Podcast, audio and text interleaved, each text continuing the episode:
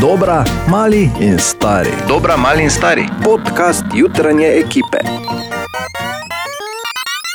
In želimo dobro jutro. Dobro jutro. Ja, lepo pozdravljeni. Pa je šel še en vikend. Veš, kak je to? Ne? En, dva, tri, op, pa smo že pa, nazaj. hopala. ja. En, dva, tri, hopala, pa smo nazaj. In zdaj je tisti moment, veš, ko bo Bor vprašal, dejan, kak pa si. Joj, ne, Kak je Dejan, bil, kak pa si? ne, kak je bil dopust? ne? prepovedano Vprašaj me, vprašanje. vprašaj me, kak je bil dopust. Kak je bil dopust dan? Ne, čist se res, preveč sem pil. Komaj si čakal, da prideš nazaj, ne? Ja, fulja. Ok, lahko zdaj nehamo. Ne, se pravi, bilo je to neprimerno vprašanje, ko človek pride nazaj. Ja. Bil je absolutno neprimeren in neresničen odgovor. Si vedel, da sem angel. Želimo dobro jutro. Dobro jutro. Dobro jutro. Ja, bomo rekli takole, eh, življenje darki ne neha darovati, ne bor. Tako tvoja frizura. Zdaj vidim po dveh tednih, veš, ko greš, pa upaš, da se bo vsaj nekaj spremenilo. Pa te pozdravi ta siva feltna. Tak, št. Sem vesel. Ja. Medtem pa- da Te moja frizura navdušuje. Ne, vem, Ne, ne na me. rekel. Hočem samo povedati, da sem pa miren, da je to ena od redkih kosta, konstant v naših življenjih. To si lahko tudi ti mirna, Katja. Da lahko pomirjena, seveda, seveda. Mimo grede, ko Mogoče se bo lakota, mogoče ne bo plina, mogoče bomo sekali sami neki na pohorju, ampak moja frizura bo še vedno slaba. tako, vedno, vedno, sploh zgodaj zjutraj. To je, veš, tako kot zjutraj vzide sonce, dokler še bo naslednje 4 milijarde let, pol pa, pol pa ga bo tako napihnilo, požrlo bo zemljo, na to se bo spremenilo v rdečo petlikavko, če seveda ga ne bo razneslo, ampak ga verjetno ne bo in ne bo postala črna luknja, ker je vseeno premalo in ima premalo mase. Wow, super, Torej, Ampak ja. moja frizura še vedno Pa bo. še ne. vedno bo slaba, pa Ja, to ti ja. pravim. Ja. In pa ena novica Ojoj. za vse, ki imajo radi serijo The Office, uh -huh. poznamo, Poznamo. kultna serija, uh -huh. zagotovo. In uh, zdaj, tako so veš pri Legotu naredili Frence, Ja? tako so zdaj naredili The Office. Tako da, če imaš kakih uh, Bravo. 120 evrov, ki ne veš, kam bi jih porino, mislim, da že prednaročila zbirajo. Želimo dobro jutro. Dobro jutro. Dobro jutro. In čas, da se osmisli čakanje na ta vikend, mislim, čakanje na ta ponedeljek čez vikend. To je horoskop za cel teden. Tako da ne bomo rabili razmišljati, ker to imamo radi. Ker ste vi opazili eno stvar, preden gremo dalje, da horoskop je bila sestavljenka v bistvu iz dveh besed. Ja, Iz horor in periskop. Periskop je jasna stvar, ampak horor pa tudi. Ne? ki bor. Uh, Tako kot mi dva Ja. s Katijo nisva za, se veš, kot smo prej rekli, ne za primerjave, ja. ti nisi za razmišljanje. Za, veš. mislim, za sestavljanke. Torej, Okej. Katja, povej. Oven, ta teden eh, se ne boste pretirano naprezali, s svojim trenutnim stanjem ste zelo zadovoljni, zato samo uživajte v tem, kar imate. Bik, izgubili boste ogromno energije in zaradi tega boste bolj pasivni, morda celo zaskrbljeni. Boste pa ta teden kljub vsemu znali zelo dobro poslušati svoje notranje zaznave. Dvojčka, teden se bo začel z močno izkušnjo, ki vas nikakor ne bo pustila ravnodušne. Težko boste videli preko lastnega prsta, trmoglavost vam lahko prinese kar nekaj težav. Rak, potrebovali boste nekaj več miru in počitka, boste pa dobili kar nekaj podpore, ki bo pravi balzam za vašo dušo. Zato boste svoja čustvena nihanja lažje prenašali. Lev, bodite previdni, s kom se pogovarjate in kaj komu obljubljate. Devica, niso vsa dejanja in izkušnje prijetne. Vaš teden bo zaznamovala trka izkušnja, svojih odzivov tokrat ne boste zadrževali, povedali boste svoje mnenje. Tehnica, včasih morate dati prednost svojim občutkom in čustvom. Včasih to ni najbolj primerno, ampak je pa popolnoma človeško. Pred vami je nekaj zahtevnih dni. Seveda, čustvenih, ne? še smo mi, čustvene tehnice. Uh Mhm. -huh. Zakaj sem rekel mi? Ne vem, ampak lepo je pasalo. Lepo, Lepo je pasalo. Ja. Škorpion. Ja. Um, naslednji dnevi bodo za vas v znamenju iskanja pozitivnih in prijetnih trenutkov. Predvsem boste najbolj uživali ob dobri družbi, s katero boste delili podobne interese. Strelec, pred vami so dokaj mirni dnevi. Stvari se dogajajo z razlogom, zato nikar ne pretiravajte. Vikend vam zna prinesti novo presenečenje. Kozorok, obeti za tekoči teden niso niti dobri, niti slabi. Veliko boste urejali in pa tudi zaključevali obveznosti, ki vam predstavljajo dodatno breme. Vodnar, pred vami je čas, ko boste več časa posvečali dobrim in pa uravnoteženim družinskim odnosom. Še enkrat več boste pokazali, da ste oseba, ki vam je mar. In pa ribi, če tudi sami zase mislite, da imate veliko dela in da vse zmorete sami, boste v naslednjih dneh vseeno začeli razmišljati drugače.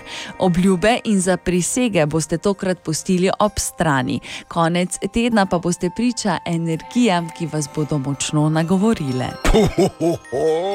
Ki horoskop ima Gici, danes. gici. Gici, gici, energija. Ja, ja. Ampak Lepo. prvi del je bil pa tako, da bi ga, ne vem, mislim, da bom začel resno imati tebe, kaj ti je res. Ja, Halo. glej, mislim, Če pa je horoskop, Ja. kaj je s tabo?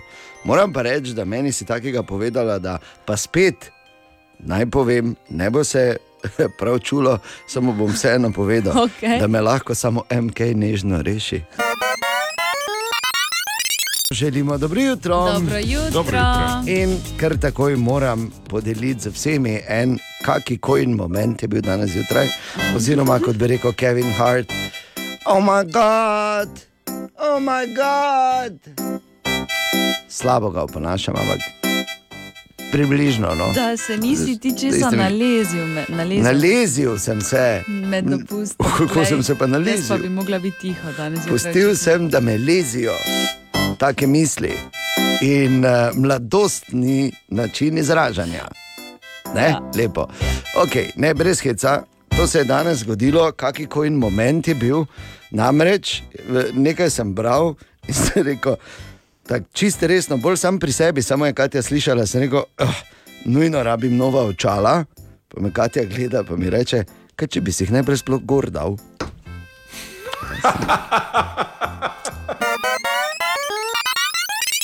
Ja, David Hasselhoff, namreč eh, to je ta uh, prastari geg, oziroma lahko bi rekli celo legenda, ne tu pri nas na radiju, ko smo poslušali pravzaprav skoraj da 4 ure samo v eno njegov največji hit Looking for Freedom. Ker je bo rekel, da ne upam, nekaj si me razkuril, ne? pa sem se zaklenil v studio in uh, Pa pa vuni ure. smo dobili hudiča. dokler niso elektrike vgasnili. Ja. Fur je bilo dobro. No, skratka, David Hasselhoff je praznoval svoj 70. rojstni dan včeraj in treba se je pokloniti tej gromozanski popikoni. The Hoff je bil res izjemen.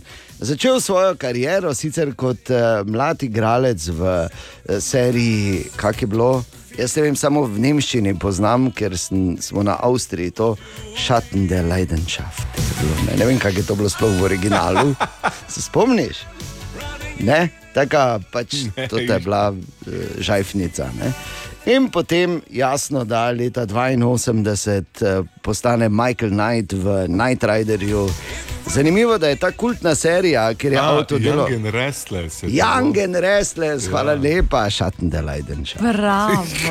Kdo si je pod Accesen? Ok, Ja, naprej. ja, ja. Tako.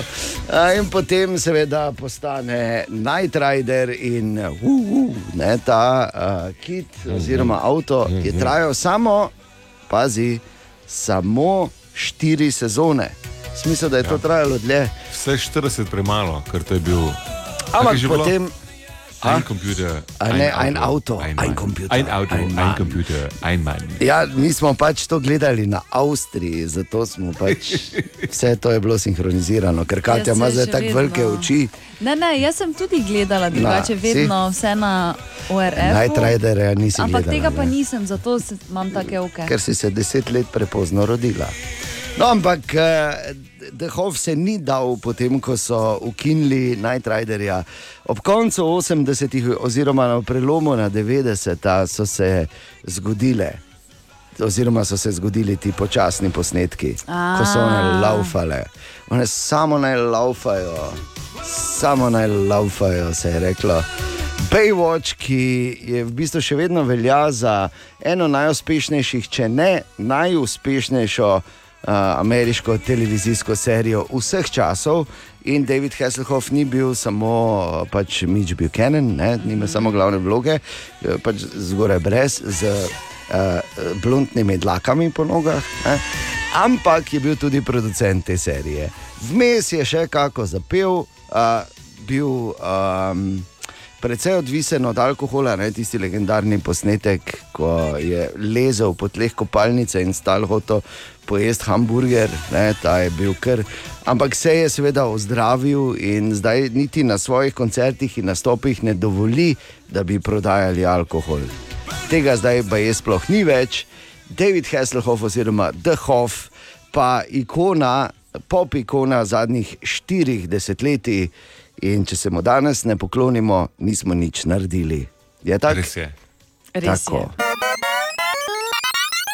Želimo dobro jutro. Dobro jutro. jutro. Veš, včasih se nekatere stvari zgodijo, pa bi bilo bolje, da se ne bi. Včasih ja. Kdo kaj reče, pa bi bilo bolje, da bi takoj pozabili. Včasih kdo kaj reče, ko sem jaz na dopustu, pa vseeno mislim, da moramo na to spomniti par dni kasneje. Se mi zdelo. In tako eh, res je bila vrhunska, skoraj da pravlična izjava našega premija, da imamo super zdravilo za korono, sonce in slano vodo. To je bilo prejšnji teden, in pol so sledili dnevi pojasnevanja, kaj je premijer s tem mislil, ampak se ni. V bistvu je pač tak en zanimiv v bistvu, način razmišljanja bil.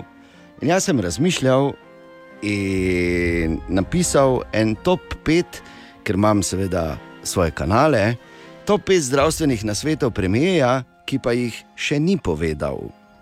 Dejanovih top 5, 5, 5, 5, 5. Torej, top 5 zdravstvenih nasvetov premijeja, ki jih še ni povedal prvič, oteklino, oziroma pardon, opeklino, moraš dati kravi polizati. Zdravstveni nasveti premijeja, ki jih še ni povedal drugič. Ko te boli zob, ni treba takoj k zobozdravniku, imamo čudovito naravno zdravilo, cvirk v zob. Zdravstveni nasveti premijeja, ki jih še ni povedal tretjič, ena beseda, uhlek. Zdravstveni nasveti premijeja, ki jih še ni povedal četrtič, če te boli prst na roki, naj te nekdo zažge v nogo, da pozabiš. In pa zdravstveni nasveti premijeja, ki jih še ni povedal petič, tudi če te kača ne piči, je treba strup preventivno večkrat posesati, če me razumeš. Hvala.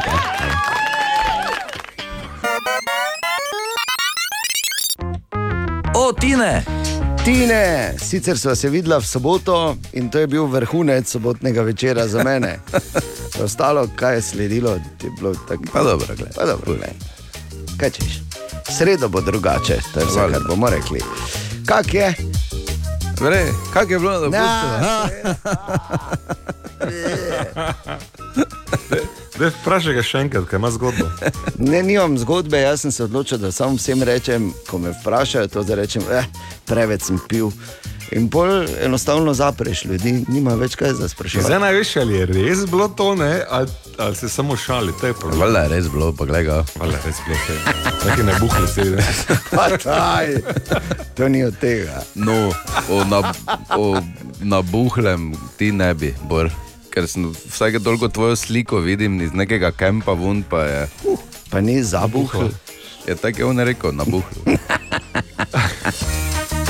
To je še to je stopnja više od zabuhlega. Ja, ne, nabuhli so eno ljudstvo, veš. Zabočano. Oni z lampi, ne? Nabuhli. Je. Živeli tu pri Račkem ne. No, a, Hvala Bogu, da si prišel, da ga malo, ga, ti, ker ti ga, če kdo, pol ga ti malo vred spraviš, ne, ker je. Ne vem, če si uh, zasledil, ampak prejšnji teden Ja, te je oponašal, Ja, on mene, ja. pa si slišal, Si kak? Ja, pa se pa vsi vemo, da je najslabši oponaševalec. Samo jaz veš, nekje od zadaj sem vedno imel malo upanja, mogoče pa ne. Kot večni optimisti, ne, to bi Ampak moral. bor, Slabo, ja, vem, ja, vem. Mislim, tako je bilo slabo, da je za trenutek celo sem pomislil, da bi lahko bilo dobro, samo veš, trenutki hitro minejo. tako da ti raje ostani pri lisicah, pa to bor, tako znaš. Tako imaš, ja. Kak je lisica, že bor? No, daj. Tega. Kak zdaj bomo ene, zdaj ti bo nerodno. je. Daj, Če pa res. Zdaj ti bo nerodno. Veš kaj, fora je v tem, ne? Lisica tako belska, veš. Ker je to pes. Jaz lahko v bistvu, ponašam samo- lisico, ne? ker je v bistvu kot pes, ne? samo da pač ni. Ne? To je tako, je, gledaj, lisica v bistvu. Evo, tako, hvala lepa, Bor. Veš, kaj, ne rabiš ga dolgo trucati, to pa mu je treba dati. ne? Torej, Tine, kaj si za danes pripravo? Torej, eh, tako eno, da imamo približno predstavo, kako je to daleč, oziroma kako je to blizu, oziroma kako je to hitro. Če bi človek potoval z svetlobno hitrostjo, Ja. bi na Luni bil, kako hitro? Se- V, seku, v Sekundi, ja. sekundi ja. Do Sonca bi rabili 8 minut, Ja. zdaj pa da bomo vedeli, kako eh, kak, eh, veliko je vesolje, oziroma samo naša mlečna cesta. Eh, da bi prišel do roba naše galaksije, bi rabo eh, 20 tisoč let. Da bi pa prišel Ja. do, do roba eh, vesolja, ki ga opazujejo, Ja. bi pa rabo 46,5 milijard let. Lepo, ne? Tako da je kar veliko. Ne? Oziroma, Ja, Zdaj si pa predstavljaj, da greš 70 na uro. kako to- Oziroma v Borovem primeru 42.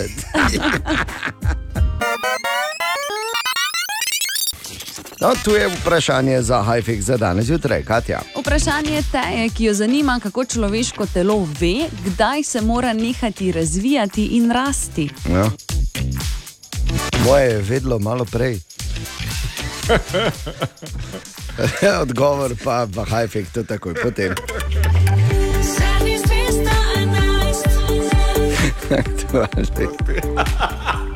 Kaj, ha, kaj je smešno, ne ve? Ne, najbolj smešno je, ker si to ti rekel. Ja, Ne? ja, Ja, se to je. Za Do- drugega. Drugače pač ne, mislim, nič proti ljudem, ki ne, ampak bravo. Prav, gremo zdaj dalje. Aha, efekt. Danes Bor odgovarja na vprašanje teje, ki jo zanima, kako človeško telo ve, kdaj se mora nehati razvijati in rasti. Za disclaimer na začetku, dobro jutro, ko rečem, je zapleteno, pa tudi hkrati ni. Zapleteno zato, ker je rast pravzaprav kompliciran proces, vse deluje od genetike pa do prehrane, pa bolezni, sreče celo v življenju. Ampak po drugi strani je pa zelo enostavno, zato ker v trenutku, ko je tvoje telo zraslo, da postane reproduktivni stroj, torej ko se razvije do konca, tudi neha rast. Ker iz stališča narave je doseglo potrebno funkcijo, vse imaš, kaj rabiš, zdaj pa idi pa se Reproduciraj. In uh, to je neka meja, kjer lahko rečemo, da je človeško telo nehalo rasti na najmanj kompliciran način. Ampak, seveda, mm. uh, hormoni, genetika. Obstaja celo taka stvar, ki se reče genetski načrt, ne? kako ti uh, rasteš. Uh, Ki inhibitorji potem potegnejo zavore, in tako naprej. Ampak v bistvu je zelo enostavno, ko je dejan, ko je pač rastel, ne, ugotovil, da je on sposoben narediti nove dejanja, ne, se je tudi končalo z rastjo. Ja, samo problem je, ker imaš takrat, recimo, da je hipotetično, ampak čist praktično, največjo voljo, ki pa ni prav razumen, razumljena na drugi strani. Ne? Ne, ni ne. Ne. Ne razumejo, da je Srednja šola, rabiš, katastrofa, poveš. katastrofa. Ja, vem. Ali tudi vi pogosto totavate v temi? Aha, efekt, da boste vedeli več. Glej, ko priješ nazaj z dopusta, včasih z desne, levo. Če se gledaš, ti ne. dajo uro, če si ti vkradejo. Ja, tako pač je. Ja. Okay. Ampak je poletje, so počitnice in vem, zdaj bodo mnogi starši rekli: ne, ne jih, ne jim polniti glave še, kakšne aktualne ali pa uh, te rač, najpopularnejše. eh, Računalniške igre, zakaj bi o tem govorili? Ne smejo, ne ne smejo biti toliko pred računalniki. Ne, medtem ko imate bitko, kakih uh, spraviti ven, ne, pa ti nekdo na radio še tako zraven nalaga. Ne. Malo še ti zraven pove. Moraš vedeti, gled, vseeno, čez dan je prevroče, zakaj bi bili zunaj, ko je tako vroče. In zakaj ti devaš izgovore otrokom zdaj? Ne? Glo, okay. Lahko prosim pusti človeka, da ko po, po, govori Hvala, pametne Bore. stvari, da se ga ne Tako. prekinja. Mislim, če kdo ve, o čem on govori, vem. Ne? Ja. Mislim, Ampak eh, vseeno, da spomnim, če morda še kaj nimaš tega v, od tega v katalogu svojem, ne, kaj se špila poleti 22. Če imaš Nintendo Switch, pol moraš imeti Nintendo Switch Sports. Uh, ena od bolj zabavnih iger, lahko povem, iz prve roke. In uh, tudi, da je nekajkrat, skoraj da pri pro bowlingu uh, letel kontroler ne, v steno. No, Pustimo zdaj uh, malenkosti. Če rada ali rad odšpilaš občasno kaki uh, luter in šuter, uh, potem in bi rada, recimo, ali rad uh, imel nekaj zabavnega, tako v grafičnem kot vsebinskem smislu, priporočam Tiny Tina's Wonderland, ker je res dobro narejeno, ok, naj ostane pri tem. Ne smemo pozabiti tudi na verjetno igro leta, ki pa je šla že februarja, ampak se še vedno full špila in sicer Elden Ring. Elden Ring je, ko sem jaz to videl prvič, sem bil, oh, wow. To je ena od teh, ki jih moraš, gre seveda za uh, fantazijski uh, role-playing game in je nekaj tja. Zgubili smo jo že pri Nintendo Switch, ko sem rekel. ne. Ja, je, na, tam. je na vseh platformah Elden Ring in je zagotovo ena od tistih, ki jo moraš imeti. Pol pa recimo še en. 910 na Steamu, pa 23 odstotkov Ja, med uh, tako. tistimi, ki so kupili, Med- jo ima zelo rad. Noro, noro. In pa še en bombonček, za katerega sem pri malemu doma rekel, da sem da sem. In sicer, eh, če imaš PlayStation ali pa na PC-ju, lahko igraš igrico Shifu, ki je sicer, bomo rekli takole. Mm, Ni ravno klasična pretepačina, ne, ampak si pa uh, mojster kung fuja, ah. ki mu že kot majhnemu uh, zlikovci ubijajo starše, zdaj pa si star 20 in pripravljen na maščevanje. Ali moram še sploh kaj reči? Fantastično ne. narejena, fantastična grafika, pa tudi sam uh, model, igralni model je kar intuitiven, tako da priporočam. Če pa rad dirkaš in imaš PlayStation, pol seveda imaš Gran Turismo 7, nekaj, kar pač mimo česar ne moreš. To je, recimo, to se igra poleti, ampak bi izkoristil to priložnost, da uh, najstarejšega gamerja na svetu vprašam, kakšna pa je kaj situacija pri tebi, Bor? Uh, ja, v bistvu se mi samo slinec zdi, ko tako razlagaš, ker jaz sem bolj ali manj kariero zaključil z prihodom Julije v življenje, očitno. Ja, ja, ja. Ampak gledaj, kaj ne, ta, ki ne more, ta pač uči. Tako da smo imeli včeraj, ravno zdaj, ko si rekel, čudovito sceno, ko sem samo odprl okno od kopalnice, ker je Julija namreč sekundo predtem vprašala, a ti, kaj sta. Kaj si to delal na računalniku? Kaj kira igri, ki, kira risanka je to na računalniku, sem jaz samo malo, Julija, to ni risanka, to je računalniška igra in tudi ti si že z eno nogo v tej karieri. Odprl sem okno, sem rekel ženi, začela se je, veš. Ja, in ne razlagaj, kaj si dobo nazaj, ne rabiš razlagati. Nazaj, pa to. Nič iz novo nazaj, tudi večer, ne? No, no, sej, Tudi večer je, pa- ne. In tako bo še nekaj časa, navadi se. Dobro jutro. Dobro jutro. In pozor, monumentalni moment.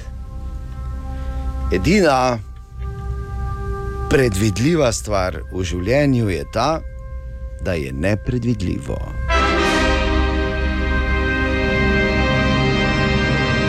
Včasih ti tvojo pot komplicira in uh, vozla in te meče včasih pa se zgodi kaj lepega. Običajno takrat, ko to najmanj pričakuješ. In tako se je meni včeraj povsem nepričakovano, po praktično dveh desetletjih zgodilo,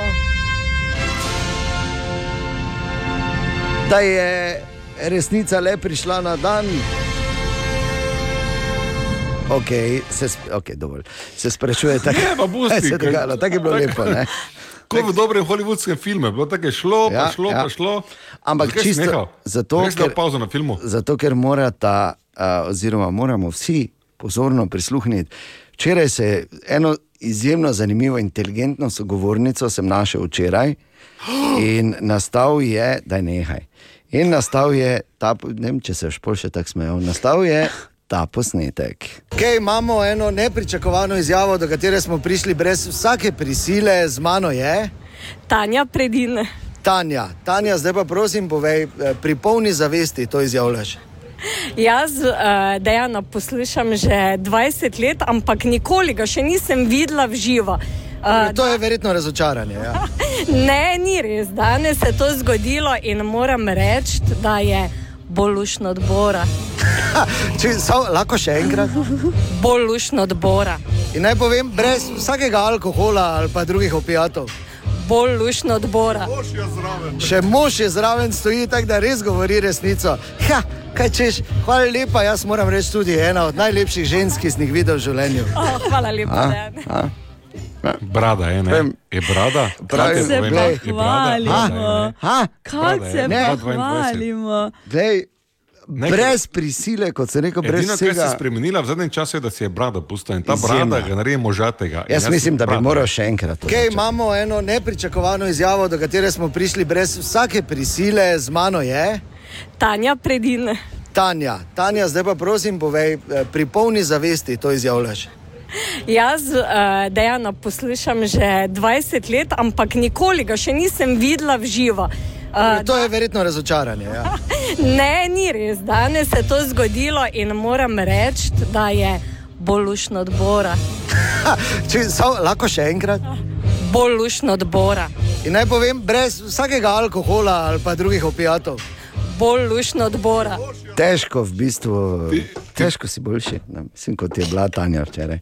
Veš, kaj ti je to polepša dan? To je, se ne da bi si hotel, ampak eh, kaj boljše, kaj govori, veš, da sem ga izklopil, ker sem bolj lušen. Mislim, Zakaj bi jaz moral klapljal, če sem bolj lušen? Razumeš? Bor, zakaj bi te sploh, le on če kar govori, pa ne ve, da ni vklopljen. zakaj, ker sem bolj lušen. Oziroma, kot bo povedala zdaj Liza, about them time, da je to vem prišlo. Ja, končno. Torej, Katja in Dejan, želiva dobro jutro. Dobro jutro. Tako je, veš, samo lušni, pa že govorimo. ne. Ok, dovolj Tak, tega, što sem. Kaj dovolj začela se, komaj. Ne, ne, ne, Ej, vredno pa je. kak je pritisk. Glej, je, kak pravi, je. To je, glej, ne, to je za tebe nova. področje, kategorija, moš res je. No, Ja. Pa nočem, veš, zdaj, da bi ti po vseh teh letih, zdaj, zdaj. to je tako, da, Ne, veš, se pa- ne, da ti začne. Bil je čas, da mlajši prevzamete tron in samo to mu rekel, da je tako lušnost naredil res. Ja, res ti. Ne, ampak jaz razumem, kako je to, to je, veš, tako, da imaš doma drevo življenja, pa začne crkovati taki občutek, je, se vem. Bo, ne. Ne boš Tu je naš priljubljen jutranji segment iz Borove špajze. Bor, Dobro jutro. Dobro jutro. V Vrovi Španci danes imamo tukaj izredne razmere, ne vem, če ste vedeli, ampak zgodilo se je. Danes je dan, ko se je razkrilo. Za tiste, ki ste se pozno vstali, to je posnetek, ki je spremenil vse. Jaz dejano poslušam že 20 let, ampak nikoli ga še nisem videla v živo. Danes se je to zgodilo in moram reči, da je bolj lušno odbora. In zdaj imamo. Ja. In kaj naj tu Bor naredi druga, kot pa da prizna, da je pač čas, da se žezlo preda. Tako. Pa To, dragi Dejan, žezlo, lepote ti dajem v roko, Oj, zraven oj, pa oj. prihaja še pet ključnih nasvetov, zato da boš lahko vladal v miru. Številka ena, vzami za stojn pijačo ali karkoli se ti za stojn ponuja, ker na neki točki se to neha ponujati. Ja.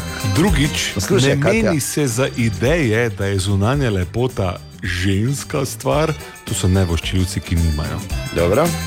Točka tri, vedno, poslušaj, vedno je prilika za sliko ali vse hitri selfie. Dobro, ja, Ker ja, ti ja. Moš dokumentirati to. Tako. Številka štiri, reci ne make-upu, ker prava lepota je naravna, uh -huh. filtri pa samo če je sila, veš? Dobro. Ti so pa prepovedani. Ja. In peti na svet starega kralja, novemu kralju lepote. Uživaj, dragi dejan, uživaj, uživaj, vse minljivo, tudi tvoj čudoviti izgled. Je. Lepo, ne, Katja? E, jaz imam samo eno vprašanje, koliko moram zdaj za selfie s tabo plačati? Daj, nehaj. Naj samo povem, da se moramo pri vsem skupaj samo zavedati enega preprostega dejstva. Lepota je vedno bila in vedno bo v očeh opazovalca. Tako da do neke točke smo se šalili, zdaj je seveda ti ni moj novi. Eh, najboljši prijateljici, seveda želim dobro jutro, ne, to je pač ženska z izjemnim okusom, da je njih pač tako dostam zunaj. A, rekel bi samo to še enkrat, eh, se nam premaknemo, prosim, zdaj dalje. Da, jaz bi enega da Eno je drugače hec. mi zveni zdaj dejan, ne? Kaj te tega, ko ga poslušaš, ni to tako Ja, ja, Oj, daj, zdaj pa daj, drugačen je. tam je. Eno se je pa res bor, ne se vidim, da iz tebe ta žalost govori. Ne? Kaj hočeš? Ne? Še danes zjutraj si mislil, da imaš, pa nimaš več. Tako hitro gre. Ja, tako hitro gre. Dobro jutro. Dobro jutro. Dobro jutro. Eh, kaj sem pa danes prebral zjutraj med zanimivimi naslovi, da so prav na današnji dan, pazi to, eh, leta 1720, Ja, torej si znamo preračunati, koliko let nazaj je to. Kar nekaj. 302, ne? Leta 1000. Jaz sem bil pri 280 plus 21, dobro, dobro, dobro. 22. 22 smo veš letos, 2022. ja pa ni do konca, ne? Ok, se vse. Je 300, ja, ve- 302. Bravo, Bor. Ja. Torej, eh, tega leta so prav na današnji dan v Franciji zabeležili prvo inflacijo. Pač, ker je to absolutno tema. Ne? In uh, zanimivo, da so se jim že takrat uh, lagali, nič ni to, nič. Web, web, web, web check. Katja, dobro jutro. Dobro jutro. Torej, kaj imamo jutro. tu? Ja, ne moremo iti mimo novice, da sta se Jennifer Lopez in Ben Affleck končno poročila. Končno. Končno, ja, ene, kar nekaj let sta v bistvu čakala na to. No. Oja, ker sta bila skupaj, pol nista bila, pa zdaj sta bila, zdaj pa je le začopatla. Tako, ja, čim prej se je želela poročiti, eh, prav Jennifer, ker jo je bilo strah, da bo Ben čišel. Ali pa nima več, ne, pengi, pengi, se veš, ne, pa je hotla. No, tako je rekla. Zdaj, pa, če, če gremo samo hitro statistiko skozi. Dobro. Jennifer Lopez je bila zaročena šestkrat. Poročena. Jennifer Affleck zdaj ne. Zdaj Affleck, tako, ampak čakaj, nismo še tam. Torej, Jennifer Lopez je bila Affleck. zaročena šestkrat, poročena trikrat. In zdaj je prvič prevzela primek svojega moža, torej zdaj je oh, Jennifer Affleck. Ampak na Instagramu si še ni spremenila ime. Kaj pa na Wikipediji? Ne, še vedno je J. Slabo delajo, ne Ja, bom rekel. ne vem, v letu mislim. 2022. Okay. Počasni so. Uh, potem Beyoncé, ki naj bi ta mesec izdala nov album, se je pridružila TikToku. Pametno. Ne bi opozarjali na očitno, kdo se bo temu družbenemu omrežju noben ne ve. pridružil tudi Mislim, septembra. te to, kaj je bilo na radiju, nekaj časa nazaj se to se vse pozabi. Vse imamo vse posneto, izrezano oh. in um, dodano v arhiv. Kako prosim, mi, draga prijatelja, da ne tišiš na TikTok gor še. ja. Samo zato, ker je enkrat nekaj rekel. Je pa res nekaj, da zdaj, ko sem začel razmišljati, ne, on bi bil TikTok fenomen lahko. Ne, Ja. Ne, Gor. seveda. Če meni nekdo reče, da nekaj ne gre, Ja. Gre. potem bomo dokazali nasprotno. Ok, ne. ok, se lahko premaknemo. Lahko se. Preko smo. Airbnb-ja lahko zdaj rezerviraš tudi Botrovo vilo, Wow, bravo. ampak samo v mesecu avgustu si lahko tam na dopustu. Dobro. In pa veliko se ponovno govori o Ilonu Masku, tokrat uh, o njegovem telesu. Pokazal je namreč um, svoj trebušček. Uh Mhm. -huh. Ampak ni težava v kilogramih, težava je v tem, da naj bi najbogatejši moški bil tudi najbolj bled moški na svetu. Najbolj beli. Ja, To je zdaj edina logična eh, replika na to, je, ker še niso Tineta videli, ne? ampak ga je videla Katja in je rekla, ne, ni tako, niti približno. Tako bel je, Ja, tako bel je. te moti. Ne? Bor, kaj se samo meni zdi, ali Katja zdaj nakazuje, da se, pa prosim, nič ni narobe, da se v temi rada zgubiš. malo. Pokatja. Je, ne? Ja. Nič ni za to, gledaj se prav, se prav. Eh. Lepo, lepo. Webček. Še enkrat dobro jutro. Dobro jutro. In, uh, zdaj, da bomo pripravljeni, obetajo se, prosim, lepo, novi emoji, čuješ. Uh, Da ne bi slučajno, čuješ, kot se reče, pazi se, čuješ. da ne bi slučajno Novi- Novi, rekel, da ni Novi vedno. ne. emoji je. Pridejo, kmalo naj bi bili tu, zdaj v tem eh, Unicode konzorciju, uh, pač premlevajo, kateri bodo, ker vsako leto jih tam določijo, nekako, ne? uh Mhm. -huh. in potem dajo ven. To nedeljo je bil mimo grede tudi svetovni dan emojijev. In zato se seveda o vsem tem zdaj tu pogovarjamo. In kaj lahko kmalo pričakuješ na svojem telefonu, Tibor? Ti, kaj lahko- emojije. Ja, nove, kakšne?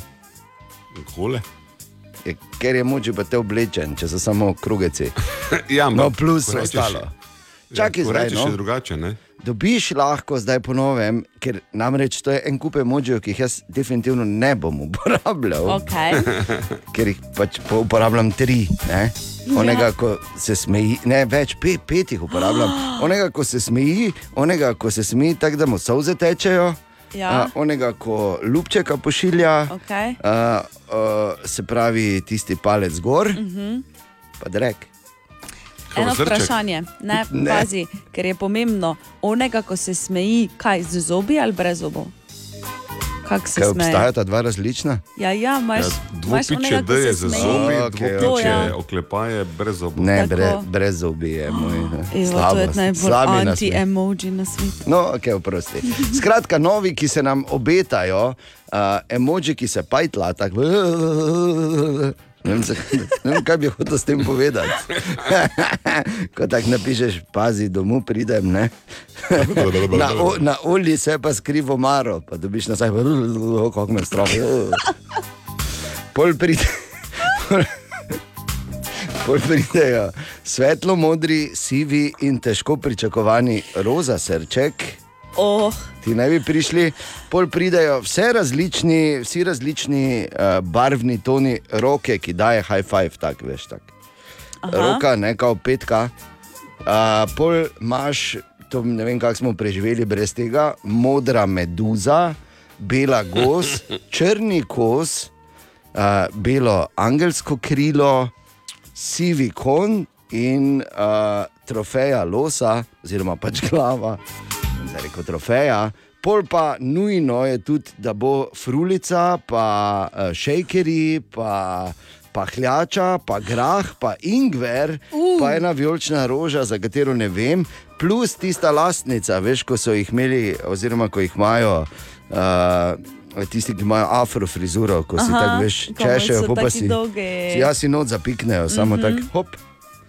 Tako da, oziroma herpin, kot temu rečejo. v- To so torej emoji, ki prihajajo.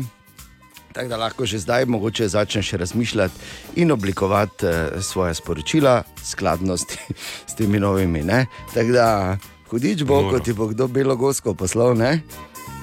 ali pa ingve. ali pa ingver, uh, ker ingver malo peče. In ko ti kdo pošle ingver, lahko ti nazaj pošleš.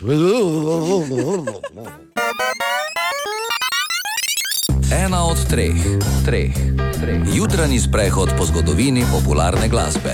In danes, na 19. juli, seveda moramo najtopleje čestitati enemu od najbolj legendarnih kitaristov v zgodovini popularne glasbe. Danes je star 75, Brian May.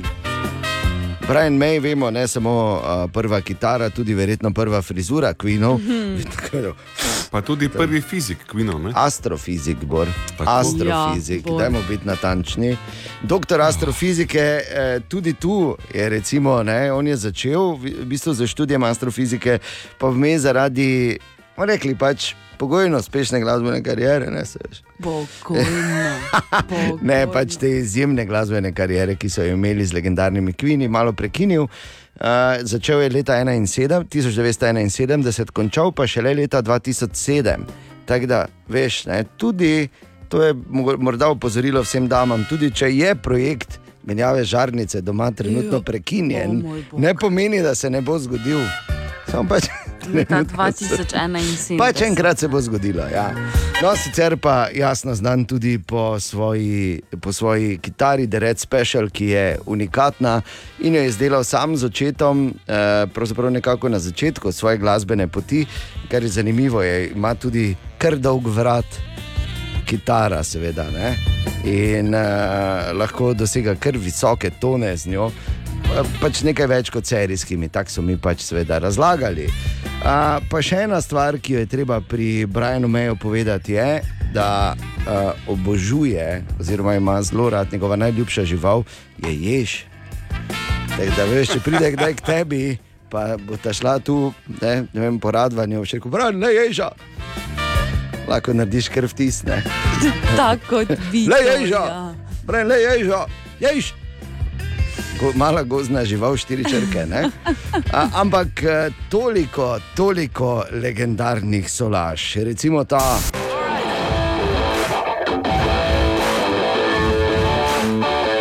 Le ježa, pa še na vse v bistvu zdaj. Ali pa.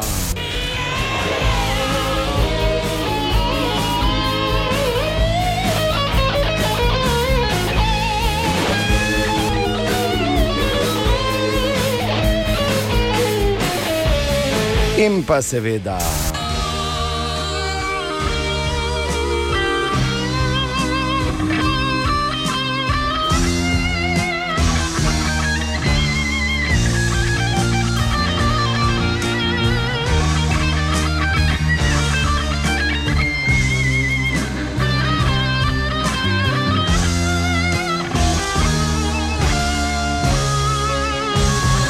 Na meni pa bo zavedno ostal v spominu tudi potem, ko je na tistem legendarnem tribut koncertu po smrti Fredija Mercuryja na še starem Wembleyju tako uh, iz srca prijatelju in kolegu, glasbenemu kolegu v spomin zapel Too Much Love Will Kill You.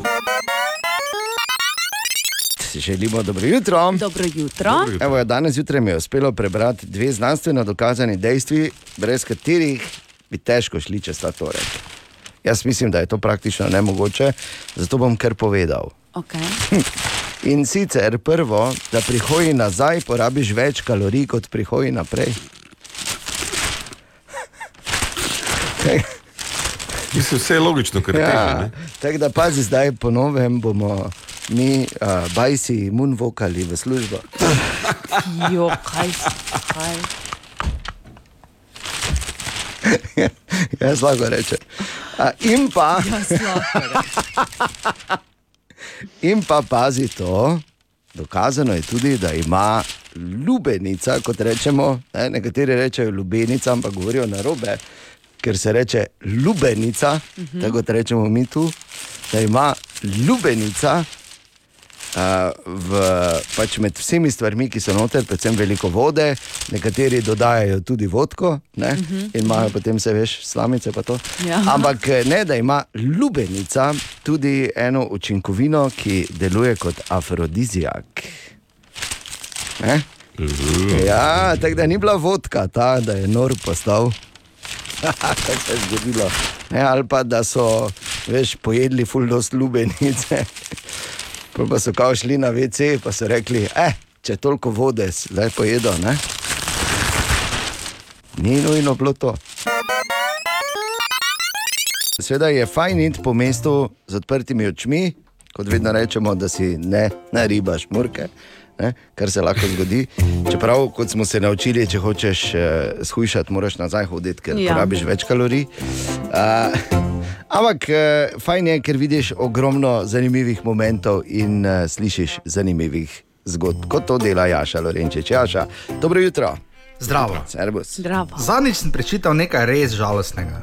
In sicer to. V Angliji pa je približno polovica ljudi na pozna sosedov po imenu, ono, nobenega skoraj. Zdravo se osadijo ali pa še to ne. Čeprav, ko tako pomislim, Ajde, da živiš v bloku od malega, še zonih cajtov, ko si res vse poznal, pa vsi tebe. Ko se je soseda čez balkon drla ali pa te poklicala po telefonu in se na te po imenu zdrla, spet fuzbal špilate v dnevni sobi, kaj ste normalni. Ja, ja, to so bili ti cajti.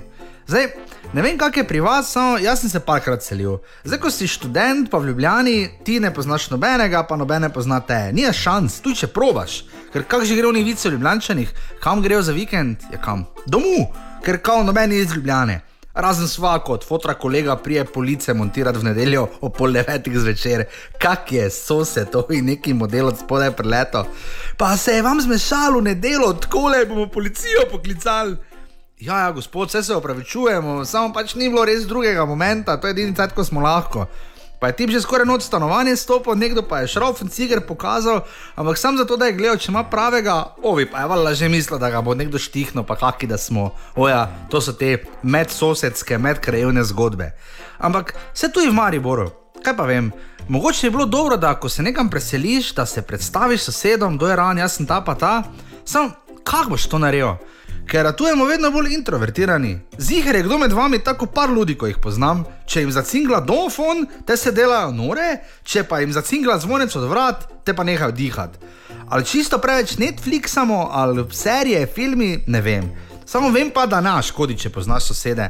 Ker enkrat pomagaš ti njim, tako kot so mi dva eni sosedi, ko je padla skupaj, so pa prišli gasilci, pa cela drama, pa se je takrat koliko toliko vreje šlo, ali pa enkrat nekdo tak tej pomagal, ko jih uštiral.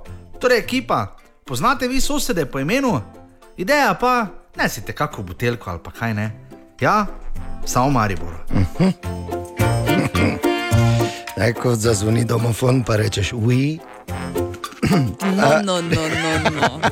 Ne, ampak brez, eh, brez heca, ja, fajn je, samo veš ne. O sosedih se pogovarjamo, ne o sosedah, da ne bo več problemov kot rešitev. O, Tine! Dobro jutro, Ja, servus. živijo. Kolega, O, Kaj gleda? kaj naj rečem, kolega Jumbo Visma, kaj naj rečem? Jumbo, da imaš Dž- škiti, Jumbo jumbo, si. Z džambotom si se ti hvalo. Na Jumbo, visma, kot da si iz Kenije. Tako. Ja, eh, mimo grede, uh, Jumbo je zdravo, Ja. kenijsko. Tako. Je lepo, vidiš, Ja. nekaj pa vemo. Ne? Jumbo Habari pa je zdravo, kak si. Uh, ne boste verjeli, kako to vem. Ata je bil pred mnogimi leti Ja. na Kilimanjaro, pa si eno majico prenesel, tam je pač kupo. Ko imaš te osnovne besede, so gor napisane, Ne, pa Jumbo si tam. Jumbo Habari. Džambo Habari. Naj samo povem, da ko smo pred leti s Tinetom gledali en video posnetek, mi je takrat tudi v bistvu približal to lepo pesem, ki sem jo jaz seveda tudi že predal naprej in jo tudi moja dva pubeca poznata. Sicer je Kilimanjaro, Kilimanjaro, ale, ale, ale, ale, ale, ale, ale. Pač, Lepo, kvalitetno. se spomniš, Ja, Tine, te pesmi. Ja, glej, Najdeš jo eh, na YouTubu. Redki smo, ko znamo afriške pesmi. Res je. Kilimanjaro song piši, pa jo boš na YouTubu tudi našel, samo toliko. Ne vem, če hočem. Ja, glej, ti zgubljaš, kaj ti ne rečem. Pač bodi nerazgledan uh, bebček. bebček. ne, ne vem, iskal sem besed. nerazgledan jumbo. Okay, pardon. Uh, eno uh, resno, imam, mislim, resno. Uh. Eno za, za mislice. Opa. Opa.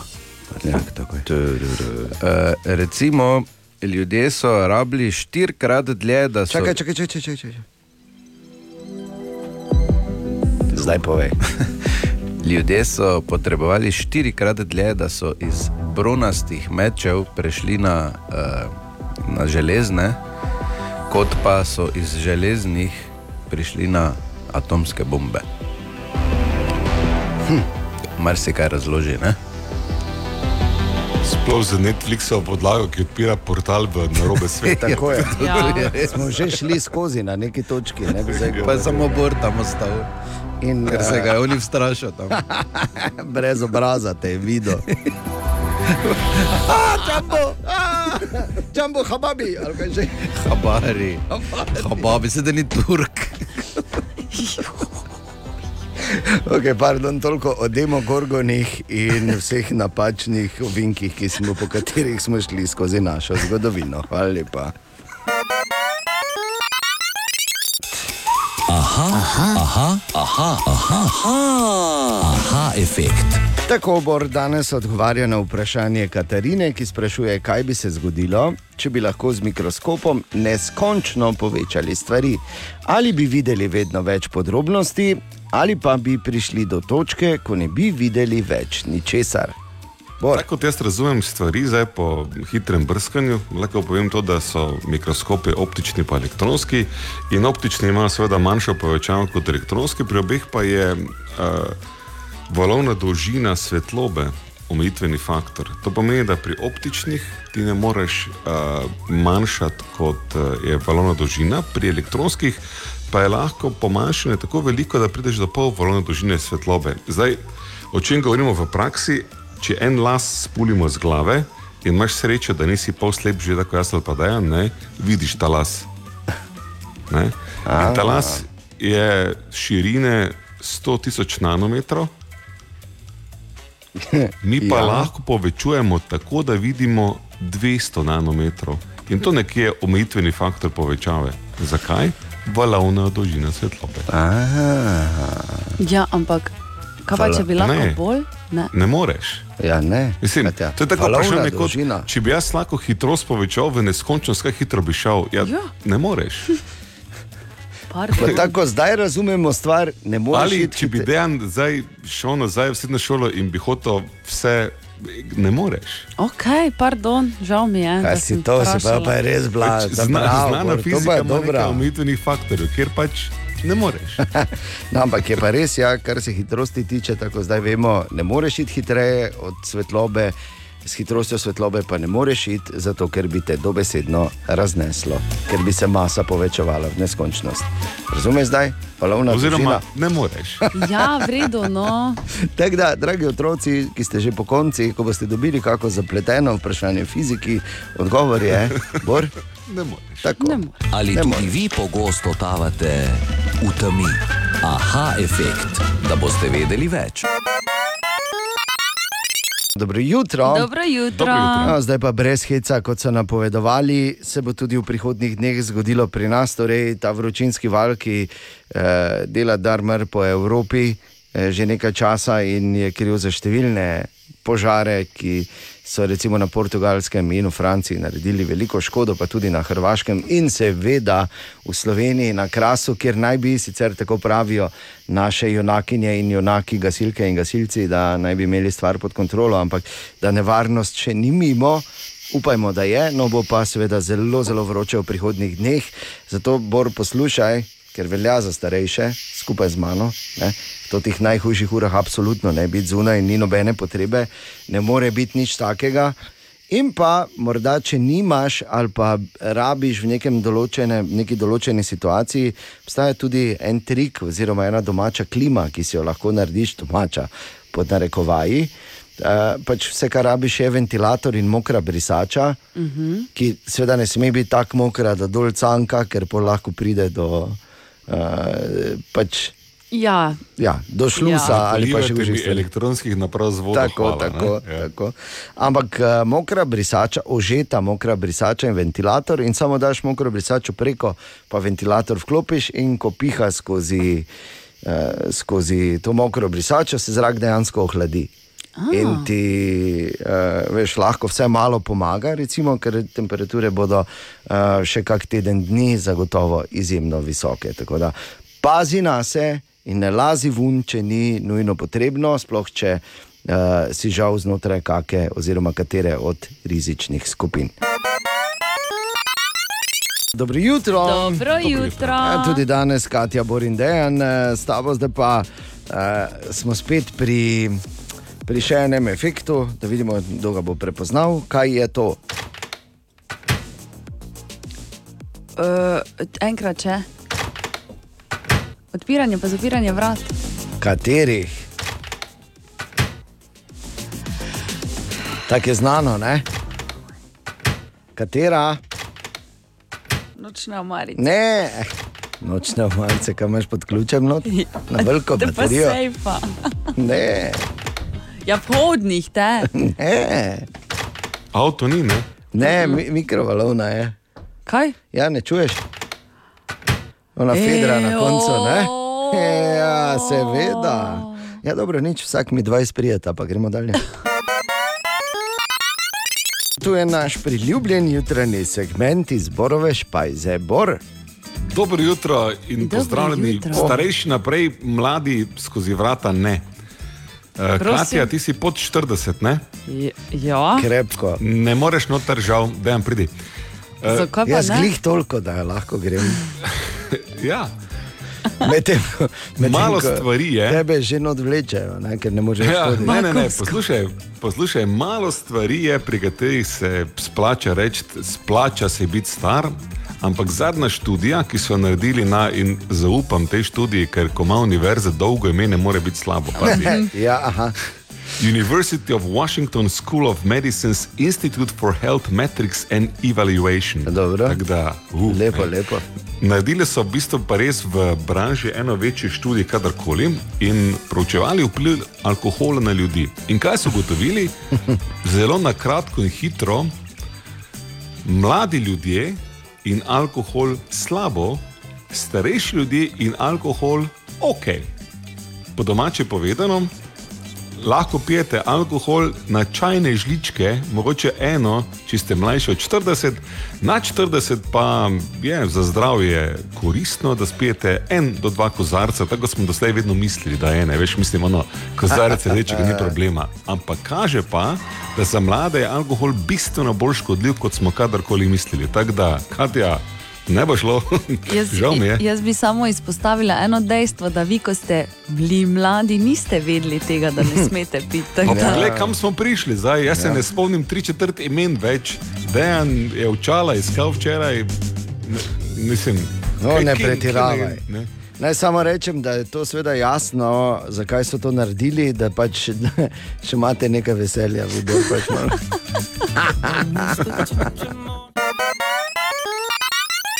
Želimo dobro jutro. Dobro jutro. Ja, dobro jutro. Danes je torej sreda, 20. juli, dan tekme, zato se pozdravi tudi za Maribor. Šampion. Ja, tako. In danes znajo, ali pa bolje rečeno, znamo biti navijači, rahlo nervozni, tako da prosimo za dodatno mero strpnosti. Predvsem za vse, ki imate kakšne opravke danes v našem mestu, mi drug drugega tako tako že dobro poznamo. Ampak eno stvar pa moramo takoj rešiti, ne glede na vse te pritiske. In sicer v high effectu. Nedolgo nazaj je Bor razlagal o teh povečavah in mikroskopih, in uh, zvenel uh, precej modro, in uh, mm -hmm. pod narekovanji. in tudi vse recimo, stvari, ki jih je, ne bom zdaj kazal, recimo Katja rekla, ki so bile morda na mestu, je rekla, vi, vi, vi, vi, vi, vi. Na srečo so aktivni moji strokovnjaki tam zunaj na vse zgodaj. Dober dan, jaz bi samo odgovoril na HFX. Obstajata dve vrsti elektronskih mikroskopov. Eni so z hladno uh, katodo, eni so s toplo anodo. Z hladno anodo omogočajo do 2 milijona kratno povečavo, z toplo anodo pa do 500 tisoč krat. Ne? Ja. Ampak, veš, tako kot vedno se znajdemo pred debato, hladno, toplo, pa dobro jutro.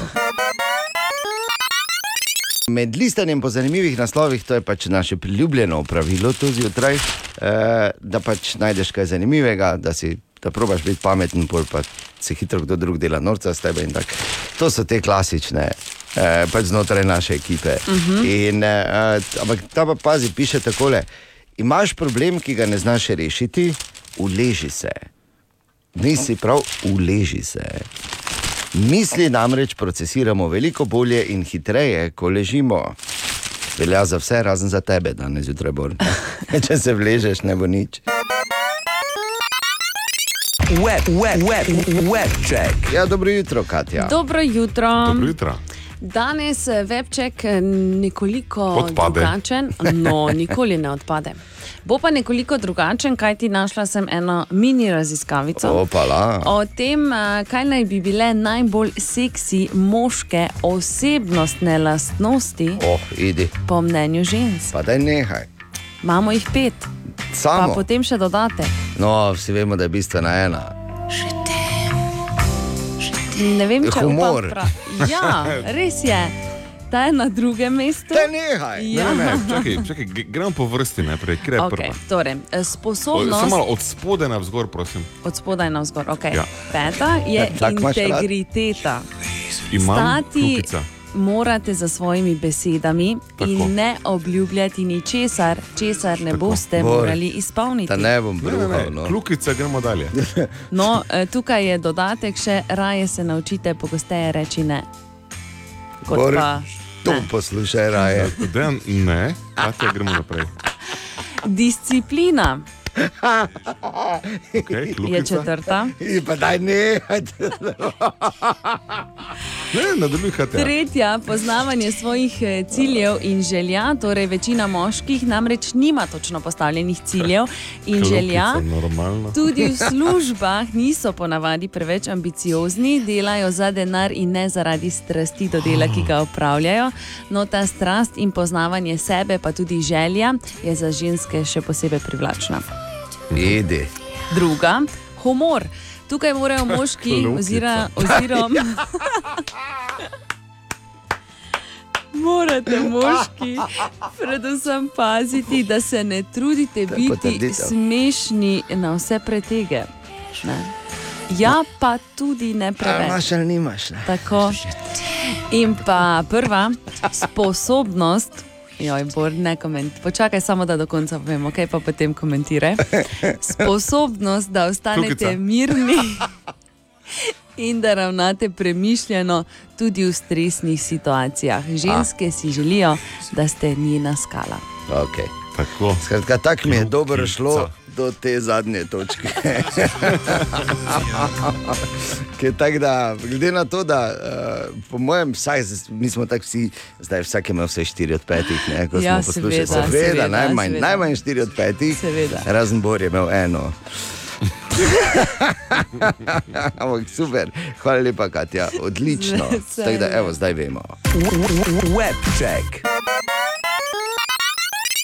Ena od treh, treh, treh. Jutranji sprehod po zgodovini popularne glasbe. In ko vseeno moramo reči, da se je v drugi polovici julija leta 1947 malo nekaj tako veš na kup gonilo, skup se je gonilo, ker tega istega leta sta samo v enem dnevu razmaka se rodila dva, največja, dva od največjih kitaristov v zgodovini. Brian May, ki je včeraj praznoval 75. rojstni dan, in pa Carlos Santana, ki ga praznuje danes.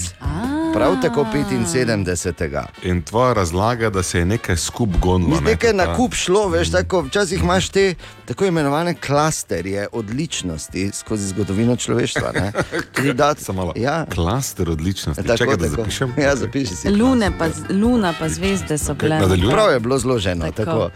In Carlos Santana je naredil en, um, eno legendarno stvar, no, ki je ni pred njim še nihče. Vzel je rock and roll. Ne, oziroma, vzel je rock glasbo in vzel je, uh, pogledal je v svoje latino korenine in naredil je veš, en preplet teh dveh glasbenih stilov. Mm. Carlos Santana, ki je eden tistih, ki pravzaprav ne rabi nič reči, ker vse pove s kitaro.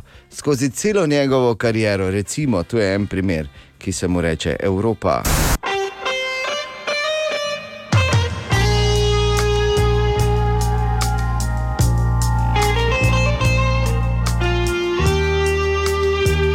Je drugi primer, samba pa ti.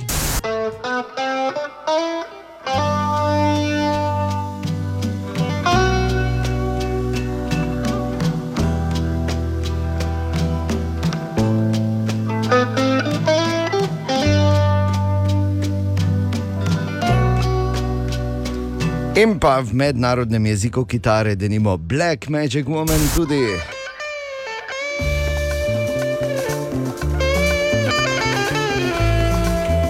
Tako res se zdi, da točno veš, kaj ti hoče povedati. Ne? Ja, res imaš taki občutek. Ja. In ti, in recimo Hans v Avstriji, in pa Jorge v Limi, ne? vsi razumemo.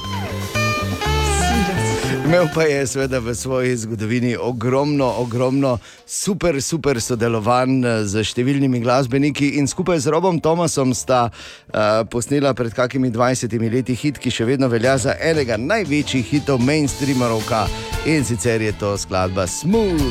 Danes na 75. rojstni dan Karlosa Santane.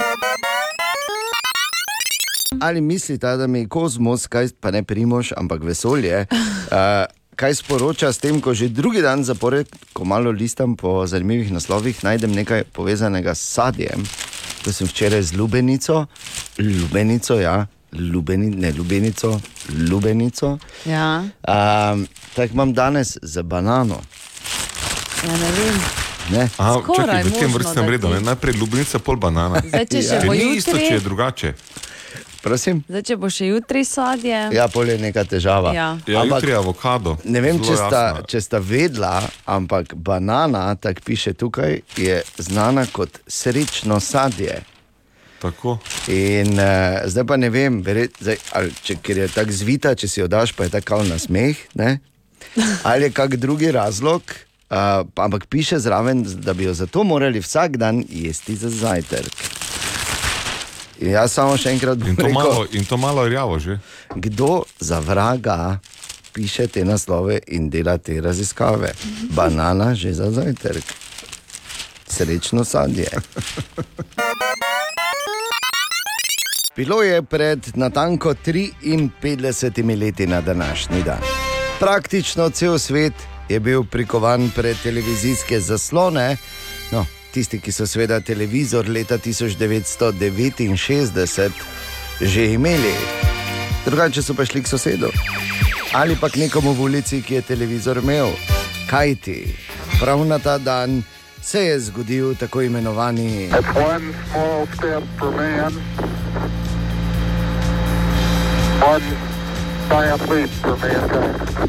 In verjamem, da je kdo tam zjutraj, danes zjutraj tam zunaj, ki je to doživel v živo in ima kak spomin na to temo. Seveda bom veseli, če ga podeli z nami, recimo na servisu 211, eh, kako si ti doživel ali doživel ta eh, verjetno največji eh, ali pa enega največjih. Dosežkov v zgodovini človeštva, ki se je zgodil prav na današnji dan. Mi smo žal premladi. Uh, Vidva, sicer Seveda, jaz se spomnim tega, kako včeraj. Ja, Armstrong je bil fejst nervozen, prednje gor šel. Tudi nekaj časa je bil zelo v zraku, ali bo šel on ali jaz. Ne? In si povedal, gledaj. Eno, povem vam, kak je bilo, sem rekel, gledaj, pojdi gor, sem Ja, brez neumnosti, ne, ne nekega. Ona, ona, ona. In kaj je bilo potem? Tako sem napovedal, gor pa samo stranje. Niti ni bilo v bistvu samo saranje, ampak sta z Oldrinom vse naredila tako, kot mora biti, in postala prva človeka, ki sta skakljala po našem naravnem satelitu. A, bi pa rekel samo eno stvar, in to vsako leto se tega spomnimo, ali pa bienalno, kak pač je. In eh, danes je spet čas, da pomislimo na to, uh, Mister Gorski, uh, urbano legendo, povezano z Armstrongom, ki, za katero se je seveda že kasneje izkazalo, da ni resnična, je pa super zgodba. In sicer, da naj bi preden je šel nazaj v uh, lunarni modul Eagle One, Armstrong se še malo stavil na stopničkah uh, in rekel: En good night, Mister Gorski. In zakaj naj bi to rekel? Ker naj bi, ko je bil majhen, igral z, z bratom bejzbol na dvorišču za hišo in naj bi mu žoga padla k sosedom, in je seveda šel tja. In ker je ravno pod oknom končala žoga, je vzel žogo in slišal gospod Gorski, ki je kričala: Tega ne bom nikoli naredila, nikoli te ne bom zadovoljila. Šele ko bo sosedov mulj shodil po luni, se bo to zgodilo. In da naj bi pač potem rekel, in lahko noč, gospod Gorski. Škoda, da je to samo legenda, ker bi bilo krne. Lepa zgodba je. Ne? Ampak uh, v vsakem primeru to se je zgodilo danes, oziroma na današnji, ne, danes, na današnji dan pred 53 leti. In uh, ogromno enih dokumentarcev, ogromno filmov povezanih tako z Nilom Armstrongom kot. Eh, S tem dogodkom in dogodki, ki so se dogajali kasneje v vesolju, če ti je ta tema blizu, je danes pravi čas, da malo pihneš arhivo z kakega zanimivega dokumentarca ali pa si ga ogledaš kje na kakem Discoveryju, ker bo ziger tega polno danes. O, Tine! Ja, običajno rečemo tu Tine, Tine sicer dobro jutro. Dobro jutro. Ampak Dobro jutro. Brez zamere, Tine, uh, včeraj je bil Darko pri Nataliji, če nisi jezen, bi mi vseeno. Nisem jezen, sploh pa ne na njega. No, tako pa to ti Ne pravi. bi upal biti. Te ne bi čakal, kine, za vogal. Le kako ti lepo razložiš, Katja, hvala ti. torej, kozmetičar Darko je bil včeraj pri Nataliji. Namp in Asher je bil tole in. Ja, moj ljubica, zdravo. Je pa kaj te staje? Ja, Darko! Zdravo. Zdaj si me presenetil, sem Ja, mislila, videla da si nekje malo- na italijanskih obalah in si Ne, sučiš glej, svoje telo. a-a, ne, in glej, se ne. predajaš pesku, soncu, olju. Imam tri dni fraj, imam gled. Tri dni Ja, fraj? če sem bil na Mikonosu, sem bil na. A ja, a, Zdaj prijem, ker imam nekaj za urediti, ne? pol, pa Mhm. grem, uh, pol pa grem na lek komo. Aha, no, sem vedela, Ja, tam imam dobrega zagotovo prijatelja, no, pot- pa ima neko sobo tako. A. Malo z eno poslo, samo, samo sem že stisnila, nekaj se razumeš. Čuješ nekaj in povej, kaj ste tako debelo oblečena, kaj ti vidiš, kako je. Debelo vroče? oblečena, v oblekci sem. Ja, ne daj vem, si če- dol to pokaži, malo kože, ne razumeš, ki imaš onega tvojega, zadnjič, sem ga- včeraj sem ga slišal, onega medota tvojega lušnega, ko je bil nagi, ki je zdaj oni. Eh, A ja, e, trenutno ga ni. Ja, pa kak on je njega, ni pa Bom, eh, njega bi jaz rad spoznal enkrat ga- ga boš meni ima poznal, taki Tineta dober misliš, glas, ne? taki dober glas ima Ja, ja, ja. on me Bom- boža me, gled, boža bom- me, ko se spomnim, gledam je kar hm, spetlam. Ne, Bom nekaj druga, nekaj druga sem ti hotel povedati, ker vidim, da imaš uh, masne lase, no. Kaj, če sem Ja, to ti, eh, ja, vidiš, ker si preveč pereš. No.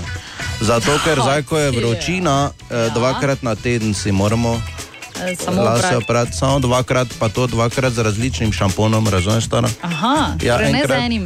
Ne, en mora biti uh, taki, da imaš to ti sjaj, lepi pa to, en pa čistilni šampon. no. A, ja, Ja, okay. vidiš, ne, gledaj, kaj ti, ko eh, švičneš, švicneš, pol pa, ja, grem si hitro glav prat, ne, stara, ne, ker zdaj pa si masna za to. E, po glavi, mislim, ne, se druga, tako si lahko, ne. Okej, drugo je si priporočljivo, ne, ker veš, kako je to, ko je suho, to, vse se to nikam ne gre, Res to je, besedno. ne, No. ne. Ali, ja, te razumem. Ne. Vem, da me razumeš, stara se te se mi je razumem. Pa veš, kaj ti še uh, na srce polagam, eh, spusti si lase dol, ne si, gor v neko fige zdaj imaš. Dobro, pa ampak drb- ko je ne, vroče, neko- nimam rada, da mi- Ja, pa to je slabo, ne, zato ker to sem slabo, Okej. za lase ne si, figo gor, spusti dol, ne, pa tudi lažete v zgrabu, ne razumeš. ker- Oh. Uh, zdaj pa gledaj, mornit. Že, Zrihtaj mi, Ravno- zrihtaj mi onega medota, da ga spoznam. Tineta. Bom, gledaj vse v pravem času. Ker tako se mi da- oni zdi, tudi oni se mi zdi tako napolne. Uh, ok, hvala, Darko, Adijo, jaz ne bom nič komentirala. Aha, aha, aha, aha, aha, aha, aha efekt. Torej, Edi je danes vprašal, zakaj imajo nekateri ljudje temnejšo kožo, drugi svetlejšo in zakaj ti svetlejšo ponavadi ne potemnijo, ne glede na to, kako dolgo so na soncu. In kot smo rekli, nikoli ni tako vesel aha efekt kot danes. Vprašam, Edi, jaz se upravičujem naprej. Ja, tako da pač počasi bomo skupaj prišli. Torej, uh, To me v skrbi, koži ja. imamo pigmente, temu pigmentu rečemo melanin. Ne? Ja. To poznamo. Mhm. To je Štiri vrste so tega melanina, kar je bistveno manj pomembno kot to, kaj on tam počne. Ne? Mimo grede, ime prihaja iz grškega melas in pomeni uh, temen. Ja. Ja, ampak v bistvu so to na, naravni pigmenti, ki jih najdemo v večini organizmov. Razen seveda pri takih ljudeh, kot je moja žena in podobno, ko so absolutno totalno beli. In pri teh ljudeh, ko sonce sije, ne, in sonce, ko sije, so potem ultravijolični žarki in ni tega. Pigmenta, da bi to energijo absorbiral in razdelil, potem prije preprosto samo do opekline, ker ko koža rata rdeča, ni porjavela, ona se je zažgala. Mm. Ne? Drugače pa pri ljudeh, ki imajo precej tega naravnega pigmenta, produkcija tega pigmenta se pod vplivom sonca bistveno poveča in ti porjaviš zato, ne zato, ker te je sonce prijetno grelo, ampak ker je tvoje telo reagiralo na distribucijo oziroma na povečan vnos ultravioletnih žarkov tako, da je produciralo več melamina, melam, melanina, ker ga zna in zato se ti tako lepo potem rjav. ne. Ja. In zato se tako lepo vidi, kje je bil aktiviran melanin. Ne? Da. Veš, jaz imam. Recimo pod kopalkami se ja, se to pravim, pravim melanin. ravno. Jaz imam uh, uh, melanin aktiviran od kolen dol in pa tu koliko molcev, pa naprej, veš, tako se reče. Ne? Šank barva, veš, ko te dobi samo, ko rečeš, još jedno, pa gre tak na sonce, roka, drugače pa si v senci. No, še, še ta mogoče, ne, uh, melanin, uh, običajno se pri nas tudi melatonin uporablja, to je ta hormon. Lahko nehamo, In, eh, hvala, se smo razumeli. Hodil sem samo še reči, da zakaj Hrvaško govorimo? Ja, no, pač, tam smo bili na morju, tam sem jaz aktiviral melanin v bistvu letos, samo pač povem. Ali tudi vi pogosto totavate v temi? Aha, efekt, da boste vedeli več. Tudi danes zjutraj, seveda, imamo vprašanje za Hi-Effect. Vprašanje pa je uh, ene druge bomo sorte. dobili, to, to, to. se k ne. Še nikoli ni bilo tako kritično, ali pa redka so bila jutra, ko je tako visel aha-efekt kot danes. Sreda, je, to je hecno. Ne? Nenavadno. Ja. Katja, se, ne? Ja, vse A je to- življenju. eh, Jaz mislim, da dva faktorja so to odločilna. Eno je klimatske spremembe in drugo vojna v Ukrajini. Ne? Absolutno. Ja, ne eno, ne Mika drugo. težišče četrtka v sredo. Ne? Ne eno, ne drugo ne vpliva. eh, Ne vem, če je bilo odločilno, imelo odločilen vpliv na to, da si pozno v noči igrice igral, ampak dobro. Ko bile. Okay. Torej, vprašanje Edija, ki ga zanima, zakaj imajo nekateri ljudje temnejšo kožo, drugi svetlejšo in zakaj ti svetlejšo ponavadi ne potemnijo, ne glede na to, kako dolgo so na soncu. A, to je verjetno ima povezave z bo celo Možno, nekaj ja. zanimivo. Eh, Kaj?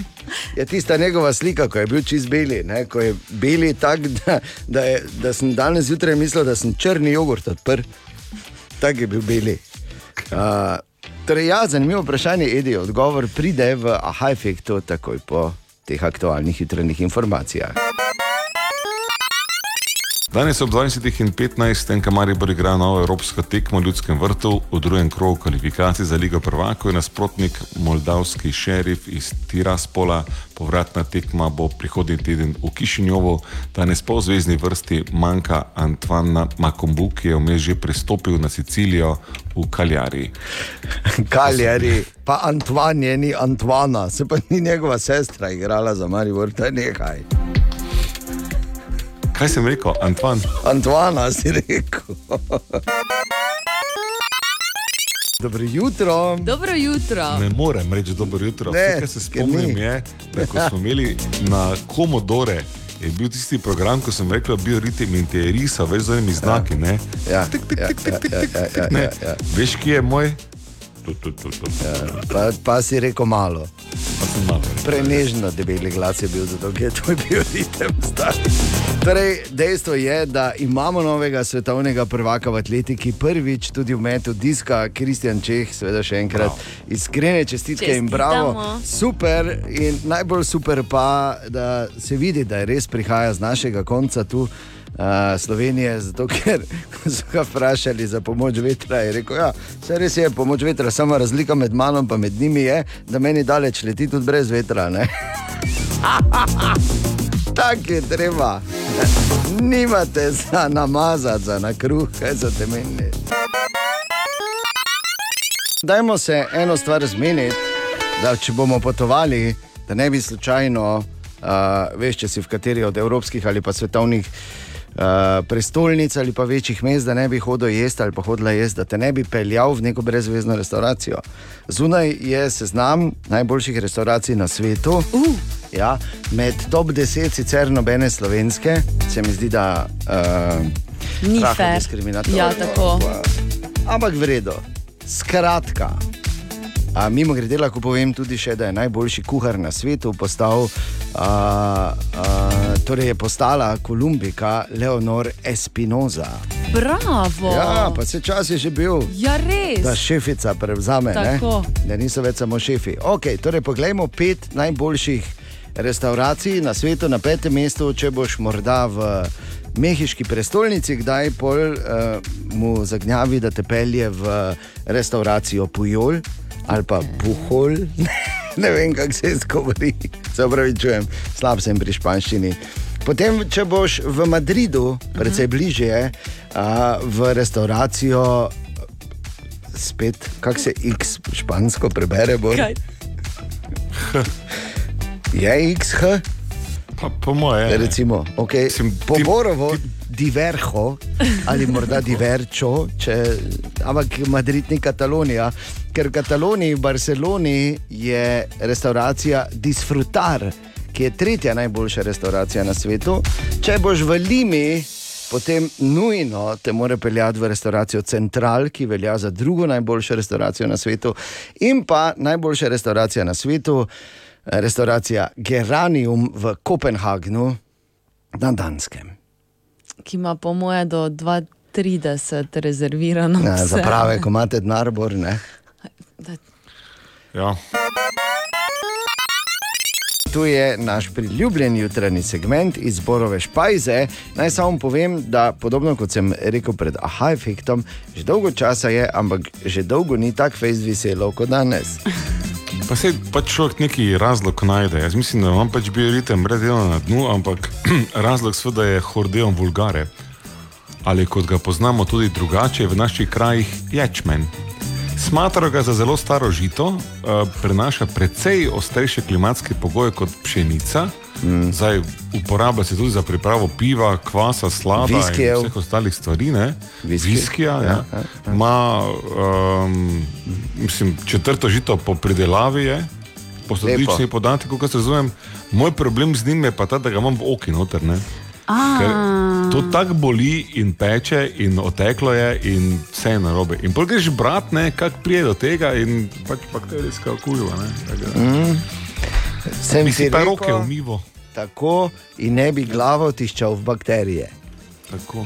Kar delaš Če konstantno. koga, če koga potolaži, znanstveniki so po dodatnih genetskih raziskavah ugotovili, da je bil ječmen udomačen tudi v Tibetu. In se mi zdi to absolutno fascinanten podatek. Ne? Ampak pač. Ki pa tebi absolutno zdaj, ne koristi. Nič mi ne koristi, ki me peče kot hudič. Lahko pa, lahko pa meditiraš ne? in poskušaš pač tudi tako. Preko gospoda Lame, kot je bil nekoč v našem mestu imenovan, uh, pridobiti kakšno pozitivno energijo, da ti pozdravi, ječmenček. Skratka, bogi si, kaj češ. Dobro jutro.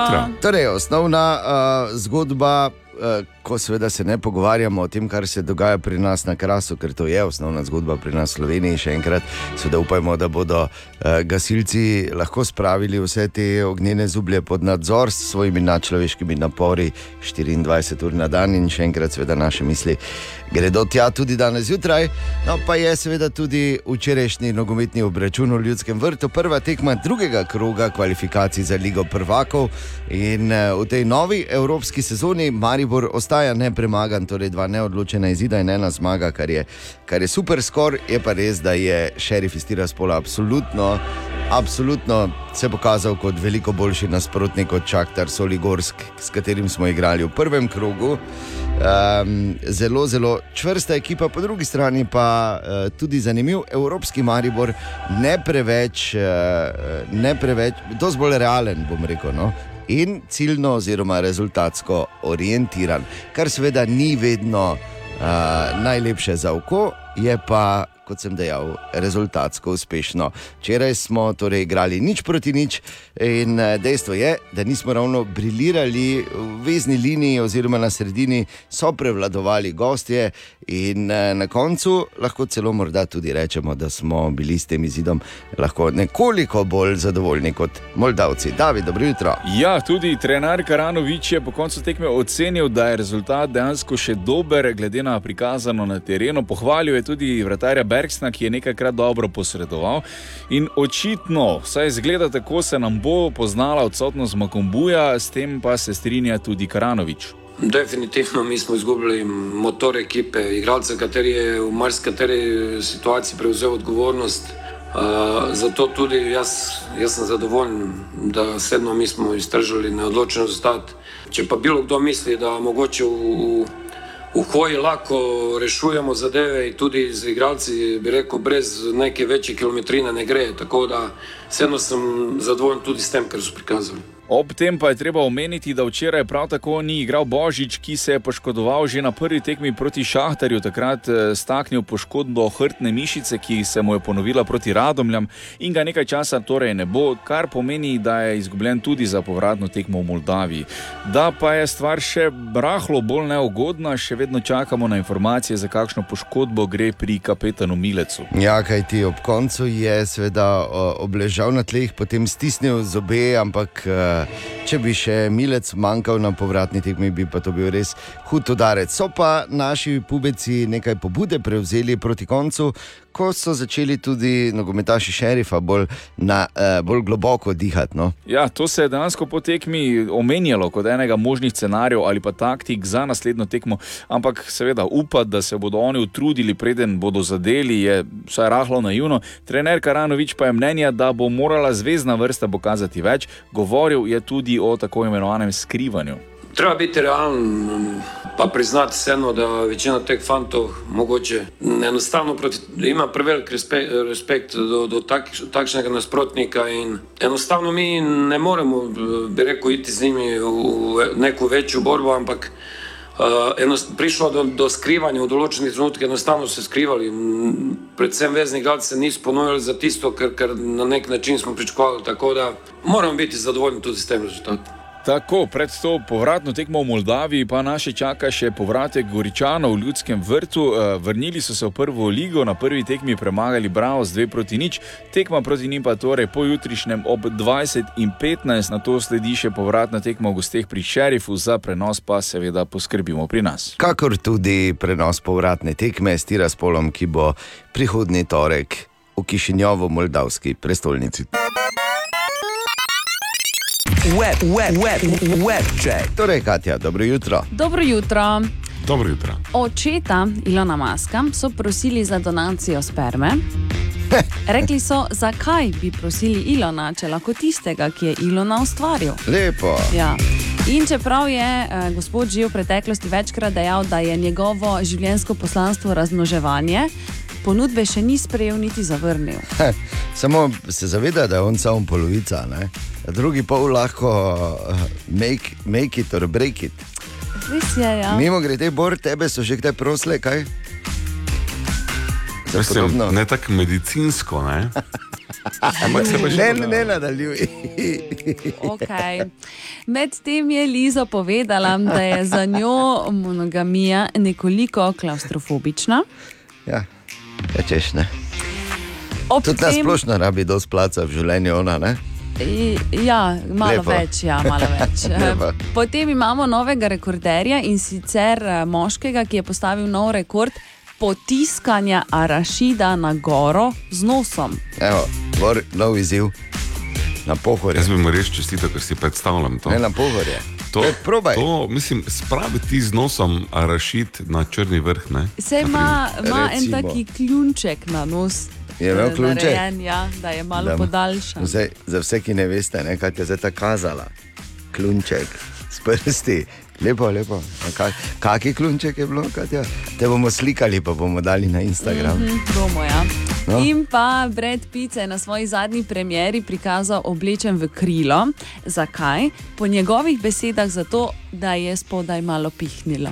Ker je bilo vroče. Ne? Tako. Veš, kak je Brad Pitt praktičen. Ni, Ja, Nora. kar seveda ne pomeni zdaj ne držati cape, da bo recimo mi dva zborom hodila s krilom. Samo pač lahko pa si mislim, da je praktičen. Ne? Ne, In zakaj zdaj taki krilom. boleč izraz na Ne, obrazu? Kaj bi ne, bilo narobe, če bi recimo s krilom? Ne, ne, Zakaj ne? Ne. Okej. Zato, ker In kaj imaš proti škotom, na recimo, sta, že? ne, ker sta se na zadnje pogovarjala o teliranih kratkih krilih iz ledra. in Ja. vaju- Ja. Kaj pa je narobe s tem? Je dobro, zdaj telirano, kratko krilo iz ledra, jaz ne bi imel. Ne? Poslušaj, ti imaš. Uh, ti bi mogel kavč doma sleči. Gledano, ne imaš dosti zadržkov, Katja, se mi zdi. Ja, da vidim, kar- res. Kako si lahko tak?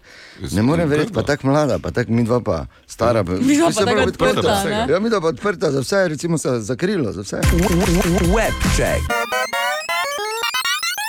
Kot smo uh, slišali v vseh vremenskih napovedih, danes zjutraj pri nas in uh, tako pač razlagajo, vro, vroči dnevi so pred nami. Najbolj vroče ne bi bilo v soboto. Ja. Vse zaenkrat uh, so torej take informacije, ko bo šlo že svinsko blizu 40 O, stopinjam ja. tudi pri nas. In eh, jasno, pametno se je eh, obnašati, kot vemo, da se moramo obnašati, eh, ko, ko je vročina in to je, da smo not na hladnem in da nas pedinajo. Ne? Točno tako. Ja, ma to ti pravim. Bor, pa? Zapomni si Lahko to. definiraš to pedinanje malo bolj pozorno, Pač ker si, posluša. da ti pa- vse nosijo zraven, ne? skrbijo za hidracijo, glih okay. prave količine hrane, ne preveč Kava v enem mora biti kosu. zgodaj, ne pozno, ne, Absolutno, to- ja. absolutno. Mislim, koliko pač preneseš in takrat, ko ti paše, predvsem vse tako. Torej, vprašati ne prije, ne? Ja, absolutno. Ja. Mislim, In seveda. Najboljše je, če bi sama vedela, že ne. Naj, Ja, najboljše no, je. mislim, glej, ne moreš se pričakovati, ampak Dobro, ja. običajno pač je tudi fino, da je mali kanapejček, dva, tri poleg. Absolutno, eh, karice, pravim ne. ti, da vse skozi ja. moraš imeti, ne, pač ja. Najboljše bo, kako bo ta vidva danes na kavčih spala. ja, res je. Ampak je pa enih par, recimo, stvari, ki jih lahko naredimo tako mimo grede, da se lažje spopademo s to vročino. Ena je, da če se le da, vsake toliko potisneš noge v uh, lavor hladne vode. ne. Mhm. To, to te ohladi bolj, kot bi si lahko mislil. Recimo, potem lahko si narediš tako imenovani čudne, čudežni sprej za vročino. Ja. In to je, da si skuhaš zeleni čaj, ki je v bistvu res, eh, ko tako pogledaš, skoraj da čudežna zel. Vse živo lahko z njim delaš uh -huh. in ga ohladiš, v bistvu pa kupiš to, to pumpico, navadno, ne prazno, Ja. ali pa imaš kako, ko običajno ne, zdaj ko si šprical cianit, recimo okoli, mogoče kako bolj. Uh, in daš lepo noter in si veš, ko je sila, se malo pošpricaš. Uh, zeleni čaj je namreč ne samo, da da občutek, da ti je bolj hladno, tudi zaščiti kožo uh, in ima na splošno številne uh, pozitivne učinke tudi ko je vroče. Potem, recimo, to je tudi hecno, tako imenovana jezična yoga pomaga, da se ohladiš. To je tako, narediš taki tunel z jezikom. Mhm. Da bomo nekoga drugega Zviješ slikali robe na gor Instagram in pol, pazi, in pol skozi usta, oziroma skozi ta zviti jezik, skozi ta tunel vdihneš Ja. in skozi nos izdihneš. Aha, okay. Bomo demonstrirali na našem Instagram profilu, če slučajno kdo ne razume, kako to zgleda. Ampak, gled, pravijo, da deluje. Da. Pa še kako mi je mrzlo, zebe, kaj imaš Ja, kakšne dolge verjamem. rokave za posoditi? Oh, uš. Zdaj pa samo da eno stvar razjasnimo, da ne bo kdo mislil, da so to temu se pa čez mešalo, že ne, kaj prej v nekem zlatoličju in fali razlagal. Uh Mhm. -huh. Vidite, no, otroci, zdaj pa naj vam povem eno zgodbo, to pa je iz zgodovine radia. Ne le mariborskega, ampak slovenskega.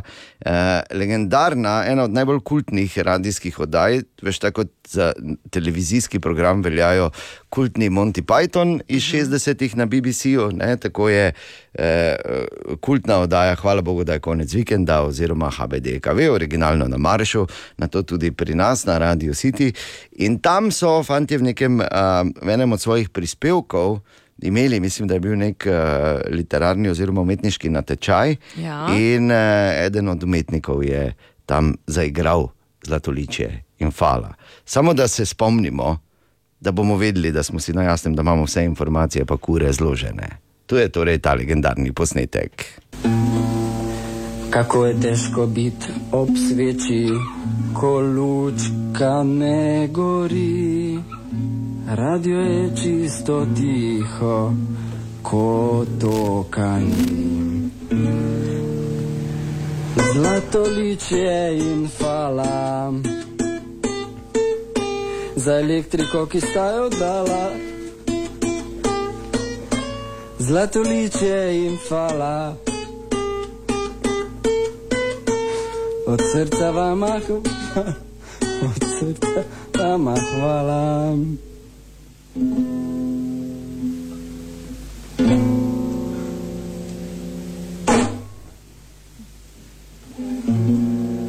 Po žicah se pretaka elektrika, na vsa bril lepo dela. Kokocine nam se sam. Zlatoliče in fala, za elektriko, ki sta jo dala. Zlatoliče in fala, od srca vama hvala, od srca vama hvala. Ja, Ja, tudi, to samo je, to. tudi to je že 30 let staro in več. Ne, da, to, to je bila pač ta umetniško videnje Lady Darbanville, Keta Stevensa, oziroma zavedno v Mariboru se ta hit imenuje Zlatoličje in Fala. Ko pač listaš po naslovih, eh, vse živo najdeš, tudi danes. In recimo to je ta zanimiv naslov, da je Spielberg, Steven Spielberg, ne kao Spielberg pod narekovaji, Mhm. vsak je Spielberg. Ne, Pa ne lahko. Tona Spielberg. Ne? Ne. Uh, Steven Spielberg, Spielberg je posnel prvi video spot s telefonom. In sicer za uh, novo skladbo skupine Mumford and Sons je posnel video spot, ampak ga je snimal celoti s telefonom. S katerim Eve, to ni bistveno. Bistve, bolj bistveno je, ja, no, s takim, ko ga imaš ti ziger, ne, ne, zdaj kazano očitno. Ne. Bolj, nisem zdaj hotel spet iti v to debato, iPhone Okej, pa redu, ja, no, povej, Razumeš? povej, povej. A, no, hotel sem reči to, če lahko Spielberg, ne? Ker te mi ne bi mogli, si je rekla Katja in začela nadlegovati sodelavce že na vse zgodaj danes. Da, prosim, če kaj, ne danes iti na naše, na naše družbena omrežja, vse dokler to ne gre, se ne premakne po časovni premici. No, Vsako slarijo pa tudi ni treba objavljati. To je tako, da rečeš ne misliti na slona. Ne? Ja. Ja, vidiš, vsi bodo zdaj šli na naš Instagram. Ja, in, in vidiš zdaj, Steven, kaj si sprožil. Narečja so zakon. Ha, kva, koga, kaj? Ma ne razumem. Ja, tako pravimo pri nas na radiju vse skozi. Eh, In Marko Fras, naš eh, lingvistični Atila, pič božji, dobro jutro, kaj smo na zadnje iskali? Dobro jutro. Servus. Na zadnje smo iskali narečne verzije te povedi, ne meči kamenja na nivo. Zdravo, sem Andreja, prihajam iz Oplotnice, mi pa rečemo tako, ne naminči kameja na Ivo. Zdravo, sem Brigita, prihajam iz Pečine, pri nas pa rečemo ne aluče kižlenkov na Ivo. Zdravo, jaz sem Dušan z Malečnika, no pri nas pa rečemo ne, ne meči kameja na Ivo.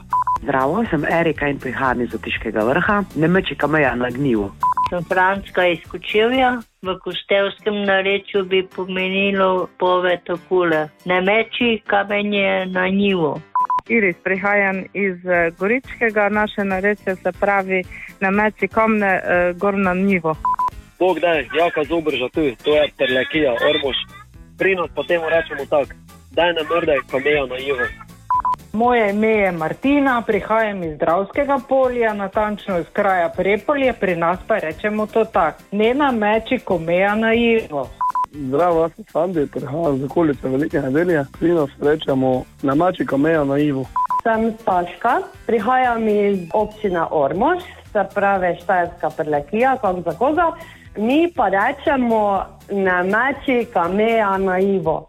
Silva Zemljič. Jaz sem drugače skoroški, čeprav zdaj v Mariboru živim, tam sem kar nekaj tam živela, pa rojena tam. Ne, več tam ne Bog daj, Timotejno tudi stroni tu zgodaninec, pri nas pa rečemo na meči kameja na Ivo. V tem tednu pa iščemo narečne izraze za besedo, s katero potrdiš dogovor s prijateljem ali prijateljico. Recimo, da ti prijatelj reče, da se dobita ob petih na pijači, mu ti odgovoriš s čim? Vela, važi, štima, zgučano. Kaj pravite vi trije? Špongja, špotljivec in špregla. Jaz rečem ok, Jaz rečem o redu. o redu. Ja. Jaz pa rečem, plačaš? Ne, ti to ne rabiš reči, ker je to samo po sebi umevno. Če se zborom kaj zmeniš, med nar sabo. sploh če greš na kakšen šport, pa ne bi pogreval te desetletja stare zgodbe. ne. A, ampak, Enkrat si nekaj zmagal. ja, in ti bi mogel plačati, nisi imel denara. Povedal si pa na koncu. se, veš, kaj mislim. Ja, seveda. Ok, Marko, kaj si nam to rekel? Špotlivec pa to? Špongja je morska goba, špotljivec je zasramovalec, posmehovalec, špregla pa je madež. Madež. Madež. Špregla na našem jutru. O, Tine! Ja, dobro jutro, Tine. Ja, dobro jutro. Ja, dobro jutro. Dobro jutro, Pa neki Tine. debeli glas imam. Ja, to je normalno.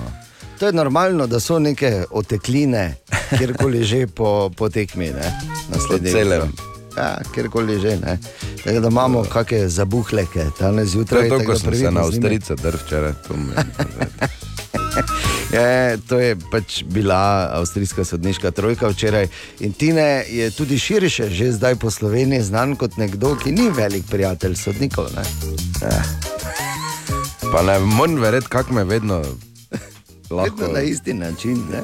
Vedno padem na to finto njihovo. Pardon. Dobro, se je bilo zabavno, sploh ko, se, ko si se razkuril, ko se je tam eh, polovica vipa obrnila, pa gledala, kaj tam imamo tu.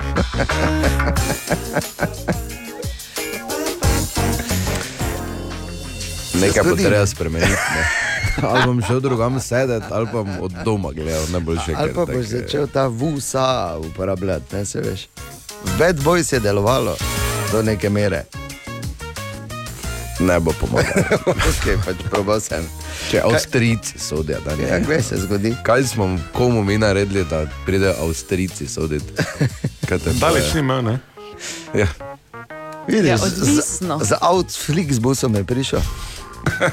Go optije. Bravo. S prevozi. Uberjem, tam imaš zares Uber. Okay, torej, Tine, kaj imamo za danes? U, ena močna. Povej. Leta 1811 je, je četrtina žensk v Združenem kraljestvu ja. slišala na ime Mary. Oh. Da pa res. Super, ne? Četrt žensk v Angliji je bilo Mary. Ja, eno od štirih. Bog, da daj se tako. Tako da bi zdaj, recimo, ja, se šel pa zdrkati, a ni približno, niti približno isti efekt, kot si včasih se zadrl. Marija! Marija pa zdaj je povedala. Kera, ti, ne, te pa ste bile vse iste. Ja, še isto oblečene, Ja, vse, vse to. iste barve. Va, tu pa tam Mimo neka- grede si zamešal, ne? Ja, pa, pa tudi ti niso mogli zameriti. Pa Če bo ona tudi Marija, pa hej, isto pa oblečena. Zakaj imate vedno izgovore? Pa veš, kak je, ko je kakšna gležen pokazala včasih, uh, takrat, uh, gležen. Oh. Ja, pogležno pa bi jo te lahko prepoznal, ne? Ne, ker so imeli tudi gležne iste, ker, ker uh, futbal izvira iz Anglije in vse so futbal špilale, Marije. In so imeli potučene Točno, gležne. tako. Ti pa si tu vere, ali solidni. Nisi, ne, ne Kot slišiš, ne? Tudi danes imamo vprašanje za aha efekt. Imamo, Luka je pisal na jutro na Radio City. Ali Luko zanima dogodek, ki se je zgodil včeraj na našem komentatorskem mestu? Tine, še enkrat Definitivno. dobro jutro. Dobro jutro. Po mojem, njega ne tako kot mene. Naj samo povem, da se je zgodila kraja od kraje. Ne? Pa dobro, no zdaj pač. Po kraja je Zraven Dejana sem sedel, pa imel pir. Enega in edinega, veš, Pa kot ful, enega veš, spiješ. ja, pa ko ga ful dolgo, že žub, dva šluka. Ne, Če sem delal. Ja, pa dobro, Ti vseeno je pa vroče, je bilo treba se hidrirati. Ne. Pa me bojč rukne. Čuj, kam miža, bo on pil, pa sem rekel, vola ne bo, pa sem mu vzel pir. Jaz pa pa sredi, da oni pa sredi prenosa, ja, in to je bila podaja, pa me rukne, pa me gleda, pa mi kaže.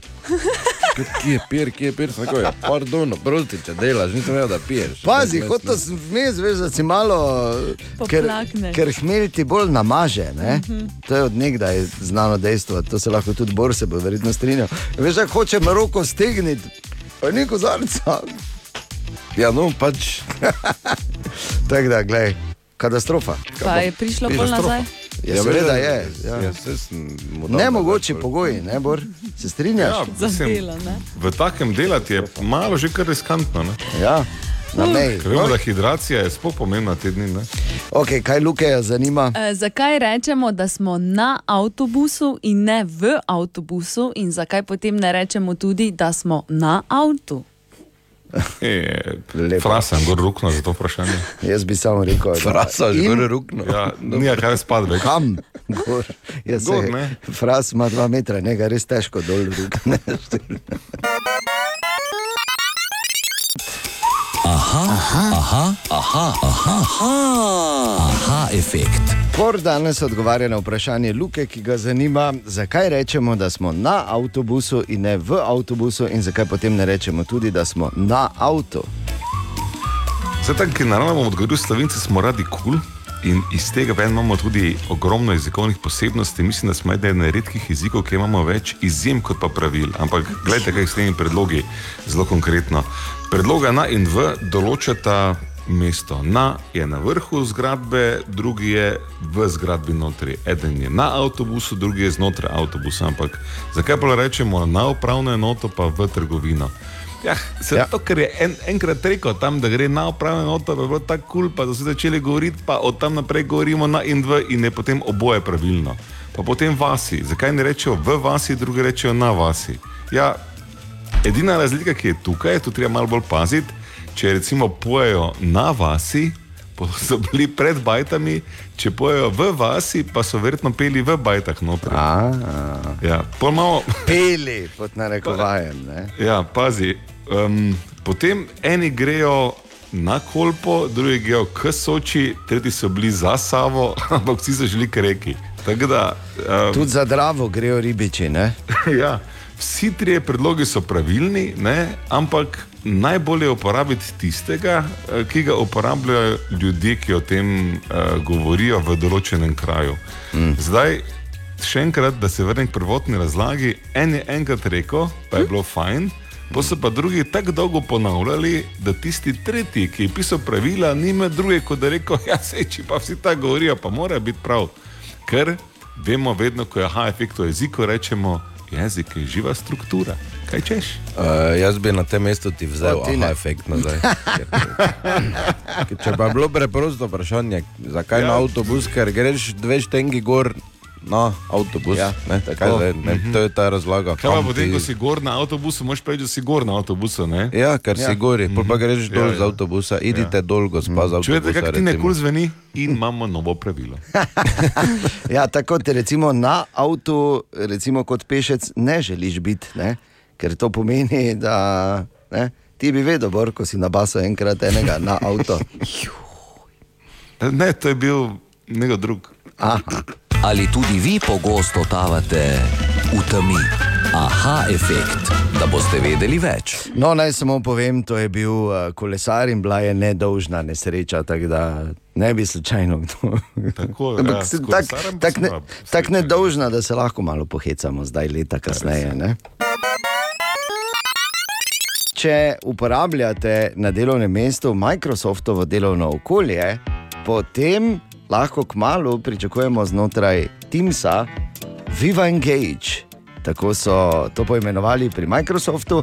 Gre pa za neke sorte, veš, podobno zgodbo, kjer lahko vsi sodelavci med sabo storije šerajo v maniri Snapchat, Snap, Snapchata, Snapchata ali Instagrama. Ampak samo pač znotraj, veš, in pravijo, da to naj bi obogatilo eh, delo od doma ali pa poglobilo vezi med zaposlenimi, s čimer se jaz absolutno ne strinjam, ker vidim toliko, toliko možnih načinov zlorabe tega Viva Engagea. Tako da ti kar povem, uh, Katja, da se lahko vsi skupaj pripravimo, uh, veš, kakšne slike bo Bor pošiljal, ne? pa storije. Samo toliko. A sicer pa je fino iti po našem mestu, kako Katja, to sem že toliko krat povedal. Z odprtimi očmi, Tako, da si ne naribamo nopla. Tako da si ne naribamo noble, kako se je lepo naučila. Je pa bravo. Je pa Katja. Bravo. Ja, pa hvala. A, ampak hkrati seveda v našem mestu lahko vedno vidiš kaj zanimivega. Jaša Lorenčič, dobro jutro. Zdravo. Servus. Vse Top Gun dvojkico pa smo do zdaj že skoraj vsi videli, ne? Ja, kak te ne? Ja, Tako. v bistvu tak ne, da se še vsi skoraj lovijo, glede na to, kako je bilo prejšnji petek. Puno, ono, puno, puno. Vredo res, da v najmanjši dvorani, oni, ko ne samo, da nija dolbi, a tolbi giga zvoka, ampak nija niti oboje stranskega izhoda iz vrste, da pol celo vrsto gor zdigneš, kot te sad prime. Samo, itak je Tom Cruise tak dojer, da nikoga ni primil sad. Zdaj, ravno za taki film sicer nabaviš res ono veliko pijačo, pa nadvelike kokice.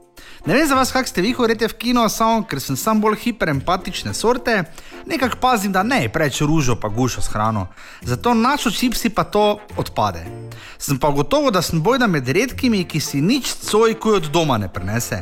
Dajte no, priznajte, vi ste bili oni, ko ste imeli grisine, pa gumimedote, pa to ne. Ker kaj vse bojda folk nosi poleg. Me zanima, če si kdo prenese kaj pohanega. No, ampak pol so pa tu še oni, ko tam delajo. Na šalterjih. Sem zadnjič vprašal deklino, ko je basala kokice, pa po pol minute še kuj ni bila fertik, ker je bila pakunga tako velika. Kaj vi malo jedete te kokice, ne? kot vena gleda, pa na vidi, malo si vzamete, ne? Če ima pa res, kot se lepo reče, na dohvat ruke, pa je zardela. Joj, ja, veste, da imamo mi to, nam pripada, ja, v sklopu dela, tako da lahko vzamemo. To jaz jih čisto preveč pejem, jo ne bi smela, kaj sem vam sploh rekla, jo pa bom spet jedla. In ne vidite, to je ta iskrenost našega mesta, nenadkriljiva, da sem si še sam kuj tam rekel, ja, samo Mariboro. Tako. Ne, tako kot uh, veš, oni, ko dela na, uh, na klobasah, poje kako klobaso, tako oni, ko dela na zmrženem, poliže kako ledeno. Ribo, ne? Samo Maribor, ne to so ribe, to je drugo. Slovenija bo sedmič to jesen volila predsednika republike, zmagovalec oziroma zmagovalka jesenskih volitev bo peti ali peta predsednica samostojne države, torej človek ali. Uh, Ali človekinja. ali človekinja na tej funkciji. To je v kategoriji tega, ko je, ko je uh, potonil, uh, pa to je zdaj gre nasproti, vse- vsem mojimi načenjami, ko je potonila ladja, ne, pa, so, pa je nekaj ljudi odplavalo na obalo, ženske in otroke pa so rešili s čovni. Ne.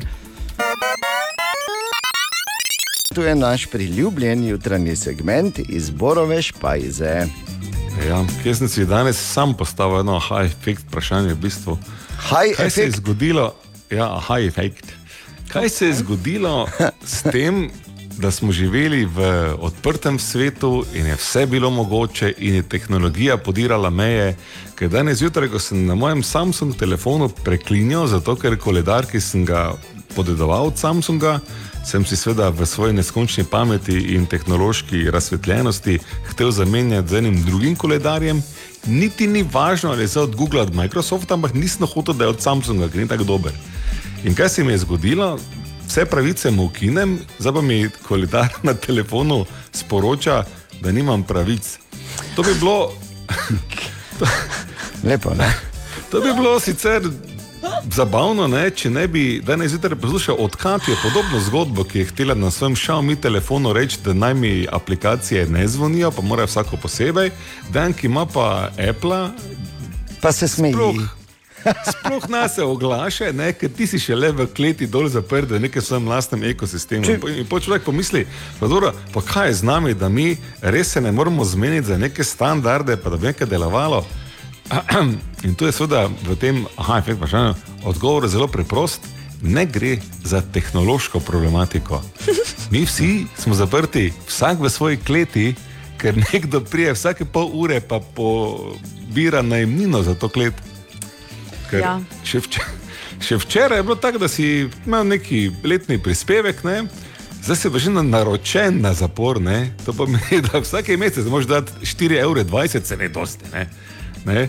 Da lahko pač tu prebivaš in zdaj pričakujem, da v naslednjem krogu pobiranja najemnin za ta zapor ne, bomo dali še evro 20 za šalco vode. Pa mogoče še evro 70 za kos kruha, ne? ker lahko se pa vse odjaviš, kadarkoli od tega, naredi ti A. več naročen Mhm. na hrano. Ne? Jaz bi samo tako rekel, mogoče smo res vsak v svoji kleti, samo jaz moram reči, da v moji kleti za mene vse perfektno dela. Veš? Ko imam, ko imam Dokler uporabljaš stvari, dokler uporabljaš stvari, Glej, za za mene vse dobro Čakaj, ne, dela. dokončajmo to debato, Če ne, nisi- ki si zdaj ti ne, na Apple. Za mene vse razumel. dobro dela. Ali si Ne, kupo, ali si kupo od. Apple v oblaku prostor? Za mene vse dobro Si, ne? dela. Ja, ja. Okej? Imaš naročilo za to, veš? ja. Da imaš ta Za prostor v mene oblaku. Vse dobro Ti si dela. kupo stvar, za katero še vedno vse dobro dela. Za mene vse dobro No, dela. v bistvu vsi smo kupili. Ja, ker še vidva plačujem. za stojim dobita, ker sta taka asa. Ja, ne pravim vsi. Res Ne. ne, vse pardon, da se z vami Jaz pogovarjam. samo sploh. reči, da smo Res je, kleti, res, ne. res. Zdaj, da bom rekel nič, jaz imam pač fizično en gumbek, ki mi da vse na tiho, eh, čimer katim telefon te nagradi, da moraš vsako od 1225 aplikacij dati posebej na tiho. In eh, se že veseli momenta, ko boš morala dati katero na glas. Dobrodošli. Zdravo. In če ste na poti na dopust, srečno. Ja, pa predvsem brez živčkov, ne? Na To A. greste. Tako in B, ko prideš tja, uh, probaj se vse malo povem, ker je lahko boleče. Uh, probaj se, veš, tisti prvi dan na dopustu sindrom, ne? ko moraš vse požreti, kaj vidiš. probaj ga malo z rezervo vzeti, ker uh, ti vzame dva dni dopusta za brez veze. Tako da, po pameti.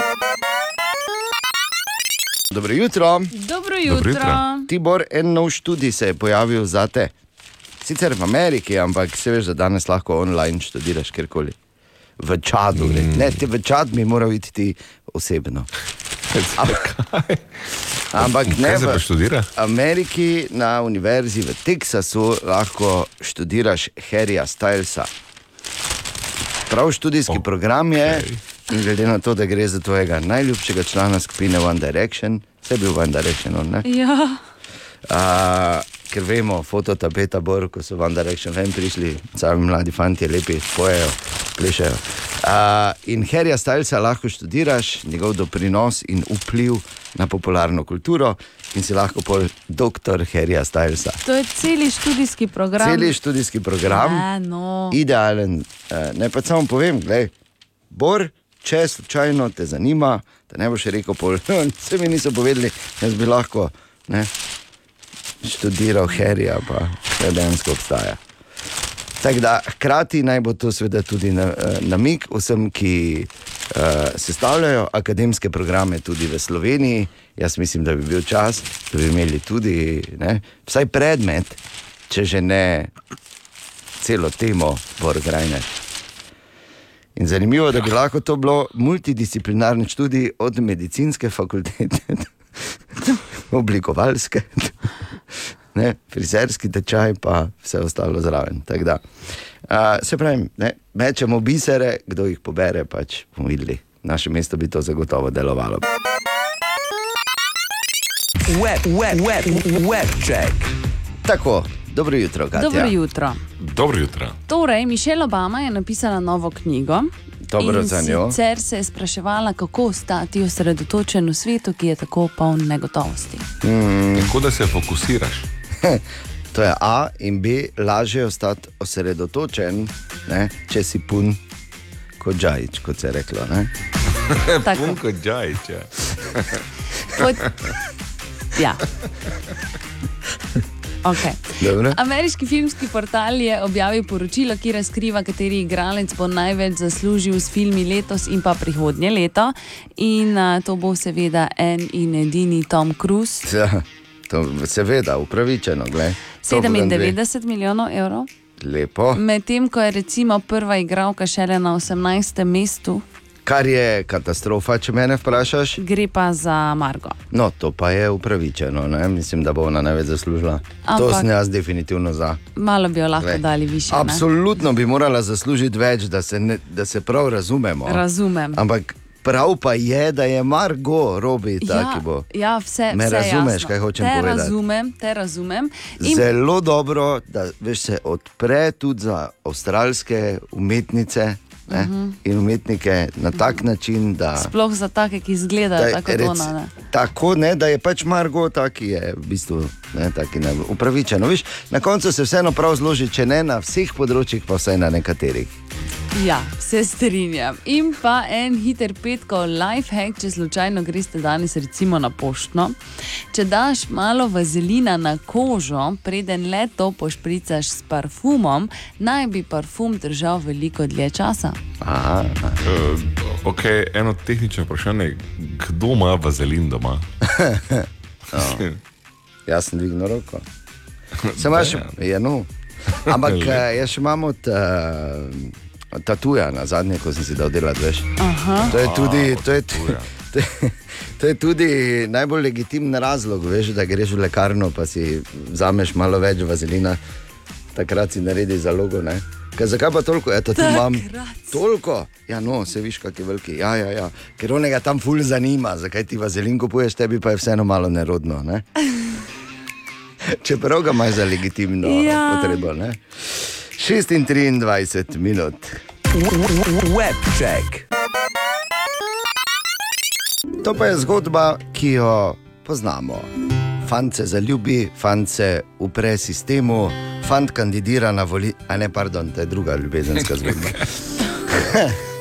Ne, ena druga eh, ljubezenska zgodba, ki žal uh, naredi kar nekaj uh, preglavic in lahko marsikaj stane. Zunaj imamo veliko zlobnih ter dosrčnih ljudi, ki znajo izkoristiti osamljene duše, dobrosrčnost in uh, pač obljubo po lepšem jutri. Zato Katja, ki ti je začel pisati, kemal, kemal, kako daleč smo s to zgodbo. Ker vemo, ogromno je teh primerov, tako imenovanih ljubezenskih prevar. Nedolgo nazaj smo poročali o tem tudi v novicah, ko je ena dama poslala zdravniku, ki se ni mogel vrniti domov pod narekovaji večkrat po 10 tisoč evrov. Ja. Zdaj pa čas preverjam. Ni zagotovo zadeva ni zabavna, ne? in je Absolutno ne. resna, uh, je pa mogoče ta moja malo bolj zabavna. Um, on bi molil zdaj z mano. Aha, Ja. tako, tako bosta začela. Ne, ne bova. Spiritualno se Ne, bosta nisem vajni odpisovala. duši prepletli. Zakaj ne? Ne, mislim, po moje je najboljši um, Način, da ignoriraš. Ne, tako ja. Uh, je pa v arabščini, tako da sem mogla dati v Google Translate. In, uh, ja, je zanimivo, no, ampak prosim, ženske, Ja. ne nasedajte in ne Ja, odpisujte, sploh ne odpirajte.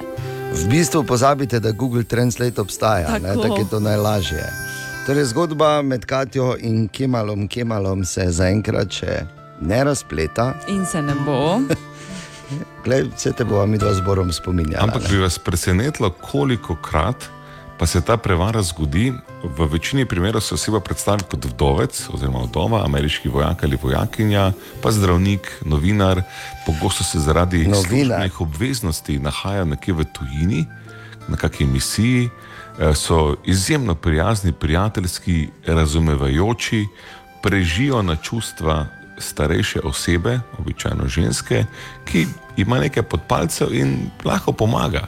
Mm. Problem seveda je, ne, da ko se ta zaupanja vreden odnos postavi in uh, denar gre, in ne v malih zneskih, uh, vas izmauzejo do konca. Ja. Zdaj, ena od najbolj groznih prevar je, zato, ker tukaj prežijo na osamljene ljudi. Um, In dejansko izkoristi njihova čustva.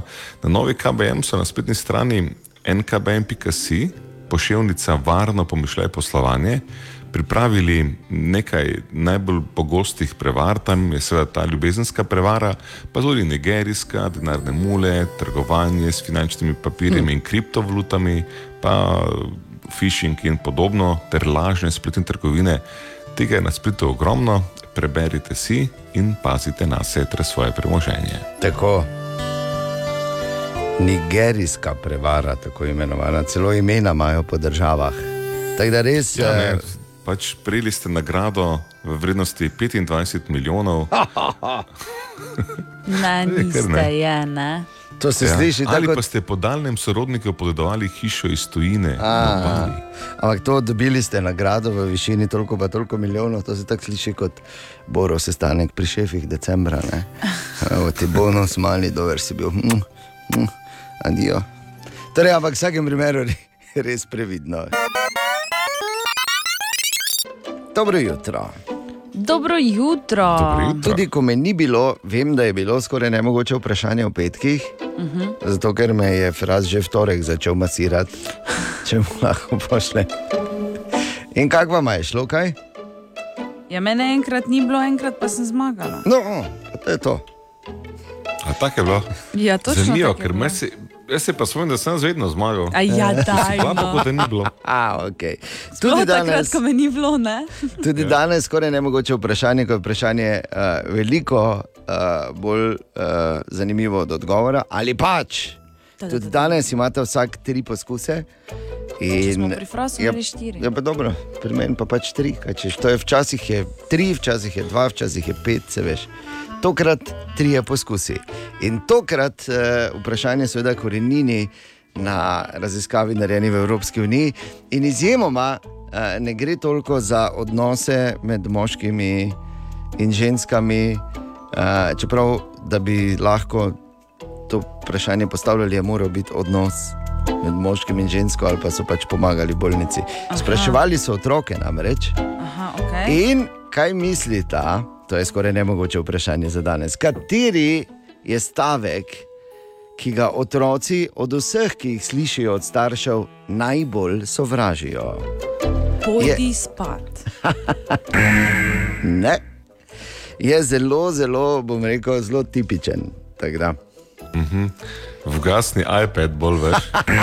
Ne, ne, ne, ne. ne, ne. Dokler ne poješ, ne smeš od mize. ne ampak dober poskus. Zato, ker sem jaz tako rekel. ja, bi lahko bilo. Ampak ni. Torej, kateri. Vidi se, da sem bogat iz prakse. veš. Ja, tako, tako. Vprašanje, sicer, če si že ta stavek ti izgovoril, ker morda so otroci malo večji, ko prvič slišijo ta stavek, kot je recimo tvoja Julija ta trenutek. Ne bo šla ven s tonetom, pa če je to zadnje, kaj sem rekel na tem svetu. A je Tonetom. stavek ali sam beseda? Ne, ker stavek. Zato, ker sem jaz tako rekel. to je že bolj rekel. Ne. Mislim, bi me presenetilo, če bi zdaj zmagala, ker v zgodovini te igre se točno tako špilamo. Ne? Ampak Da bor pove, pa ga ignoriramo. Ne? ne, stavek, ki ga otroci v Evropski uniji najbolj sovražijo od vseh stavkov, ki jih slišijo od staršev, je denar ne raste na drevesu. Jo, kaj dobro vrejo. ah, to pa ne fer igra, ker pri nas doma tega znamo. ja, no, se vem, se to tebe. Pri vas na rožah, ne samo na drevesu. Posod to nima denar. Tako da, ja. Mislim, se, res je bilo težko danes. Danes je res bilo težko. Ja. Tako da danes vam dam uh, vsakemu pol točke za roka. participacijo. Za res dobre poskuse. Ja, res, res. Še enkrat dobro jutro. Dobro jutro. In dobrodošli. Imamo eno fenico, ker vedno je tako, vedno je en ali pa ena v neki skupini, ki je fenica ali fan Harryja Potterja. Ponavadi nas je sicer več, ampak Ne, okay. vedno je eden. Tako veš, vedno imaš enega čudaka, ne nekje več. Ki... da ne bom palce ven potegnil iz torbice. Oj, oj, kaj na baterije. Uh, torej, Harry Potter. In vemo, tam je, v, mislim, da je to bilo že v Enki, so predstavili eno zanimivo igro, eh, ki jo igrajo tam na Hogwartsu, oziroma na Bradavičarki. In sicer to je igra, zdaj ne vem, kaj je v slovenščini, Kvidič je. Ne? Mhm, mhm, Kaj, ja. je, kaj je v slovenščini? Ni. Kvidič. Ja. Kvidič. In Kvidič dejansko zdaj, uh, ko gledaš to ali pa bereš, ali pa si predstavljaš, Harry Potter je fina, fina igra, ker z metlami letajo po zraku ne, in potem uh, uh, probajo s temi žogami tam skozi te tri obroče, pa pol pride še, uh, kaj je oni zlati. Če tistega dobiš, tako zviz, pride zviz in če zviz vloviš, takoj zmagaš. No, eh, kar je zdaj to In kaj ga Harry Potter prvič lovi? Z roko, kaj ta zvinka. Usti. A z usti, ok, pardon, se vrečem. Vse, kot sem vam rekel, vedno je eden ne? ali pa ena. A, ampak ta kvidič je bil tako popularen, da so se eni odločili, da bi ga res začeli igrati. Mhm. In ne samo, da ga res igrajo, to so celo svetovna prvenstva in vse. Zadnje je sicer bilo leta 2018 v Firencah v Italiji, zmagali so kvidičari iz Združenih držav Amerike, ki pač veljajo za najboljše na svetu zdaj. Okay. In to, ko gledaš te posnetke, jaz mislim, pa kdo je zdaj tu nor. Dejansko imajo palco, ki jo imajo celice med nogami kot metlo in laufajo in mečejo tisto in se zaletavajo. In, oh, moram reči, da sem se prvič, pa ne zaradi palc, uh, sem bil zaskrbljen. Uh, za na, nataliteto in obstoj človeške rase, ko sem gledal te posnetke. Ampak kar želim povedati, je, da obstaja tudi profesionalna liga v Kvidiču, ampak se zdaj želijo odmakniti od tega izročila Harryja Potterja uh Mhm. -huh. in avtorice J.K. Rowling, uh -huh. in Mhm. tako se bo po novem Kvidič imenoval Quadball. Tako da um, bodi informirana, fenica, fan Harryja Potterja. Torej, če uh, bereš knjigo, gledaš film, ostaja Kvidič, če hočeš zares igrati, ponovem igraš Quadball. To je kar nekaj. Ja, res je, vse skupaj. Je Ne, kar ne, nekaj. ne, Hvala ne, ne, lepa. ne, ne. Aha, aha, aha, aha, aha, aha, aha efekt. Torej, danes imamo zanimivo vprašanje. V bistvu bi lahko rekel jaz. Ker je zanimiv pristop, no, za katerega se je odločil poslušalec Darko, ki nam je pisal in pravi, da eh, se pripravlja na en razgovor s svojo partnerico in bi rad od Bora eh, dokaz, da pač je treba, oziroma da morajo moški eh, biti eh, posteljno aktivni vsak dan, ker je v nasprotnem primeru to škodljivo. Če... Tako da, Bor, kak si razmislil, kaj boš povedal, Darko tu? Torej, dragi Darko, najprej moramo biti odkriti do raziskovalcev in njihovega neumornega, dolgotrajnega dela in reči, da ne seksati za daljši čas ne bi smelo imeti nobenih negativnih posledic za tvoje zdravje. Mnogi slavni primeri so iz zgodovine, da na Tesla samo vem vlečem, bom rekel še, da je Berlin in ostali ne, ampak so že bili ljudje v zgodovini, ki so brez seksa shali in čisto preživeli. Tako da nekih hudih argumentov, ne, da boš umrl, če, se- če ne bo šlo skozi, nimam na mizi. Ampak se zgodba šele začenja. Zato, Oh. ker znanstveniki pa vedo, da so pa mnoga človeška stanja tesno povezana z izražanjem seksualnosti. Tako da recimo stres je nekaj, kar se v človeku lahko nakopiči, če nima pogosto eh, spolnih odnosov, oziroma tako kot pričakuje, da jih bo imel, zato ker tvoje telo izloča hormone, kot so, kot so oksitocin, endorfini in ti vsi upravljajo s stresom. Tako da en dober argument je, kaj? Ne bomo, pa kaj, da me stres ubije, ali kaj ne? Drugi možen je argument je super ta, argument, je to res. Ja. Ja, poslušaj, glej, ne, vpliva na stres. E, Drugi pomemben argument je, da raziskovalci so tudi že začeli povezovati, da ljudje, ki imajo pogosteje spolne odnose, so boljši pri ohranjanju spomina. Ne, tako da drugi Mhm. dober argument bi lahko bil, kaj? Kaj rekel, da vse pozabim v življenju, da ali, kaj, ali, ali bomo malo ali ne. ne? Ja, to je res super. Katijo boš, tukaj- zaklav boš, Katijo vidim. Lahko, Ne, mislim. Katja, Ne, Katja, to haš. so vse Prosim. znanstvena dejstva. Imunski sistem, reden seks pomaga, da tvoje telo premaguje patogene. To pomeni, da ja. zelo je mogoče, celo, če, če ne celo precej verjetno, da boš manjkrat zbolel recimo za prehladom, če imaš pogosteje spolne odnose. Recimo, tako da vidiš, v bistvu je njegovo ja, življenje v tvojih rokah. Katja, Oh kar se God. tiče lubriciranja, ne, normalno, je ženska, bo. ki ima pogosteje spolne odnose, bo imela ne, Jaz, manj jaz težav. bi samo težavo izpostavila v tem, da kak, mislim, da eh, če sploh ne morem. Verjamem. Zato pa je boljše, da Ja, ja, v takih ti- primerih se usedeš nazaj in uživaš. Ja, pa bi točno rada, Katja, v bistvu, moče ti lahko pomagam. Da ne, no. Ne, bo Kaj boš ti pomagal? Na pobrežju lahko ti pomagaš. Torej, ne. In seveda daj, hvala za pač. vprašanje. Vedno se radi poglobimo v različna vprašanja, eh, če so še tako neprijetna. Ne? Res, je, pa to sploh ni neprijetno. Je. Ampak jaz bi vseeno, Ja, vidim, da dragi zakaj Darko, ti svetovala, da dru, malo drugačen pristop uh, izbereš kot. Uh, Da se tega. naslanjaš na Oprosti, Bora. Samo malo, Katja, pubec je, pubec je izbral znanstven pristop.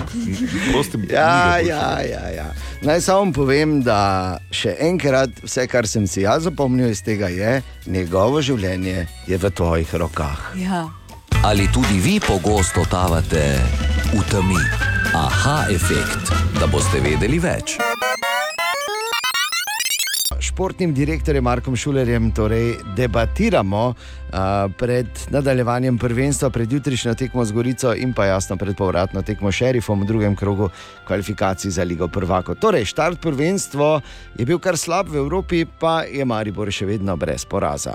Uh, v bistvu zdaj prvo, kar želimo, je pred nami tekmo z Gorico. Se pravi, ne prehitevamo, ne preskakujemo stopnic, uh, vemo, zakaj smo tu in želimo tekmovati. Se pravi, lepo po vrsti, se pravi, prva Gorica, zahtevna tekma.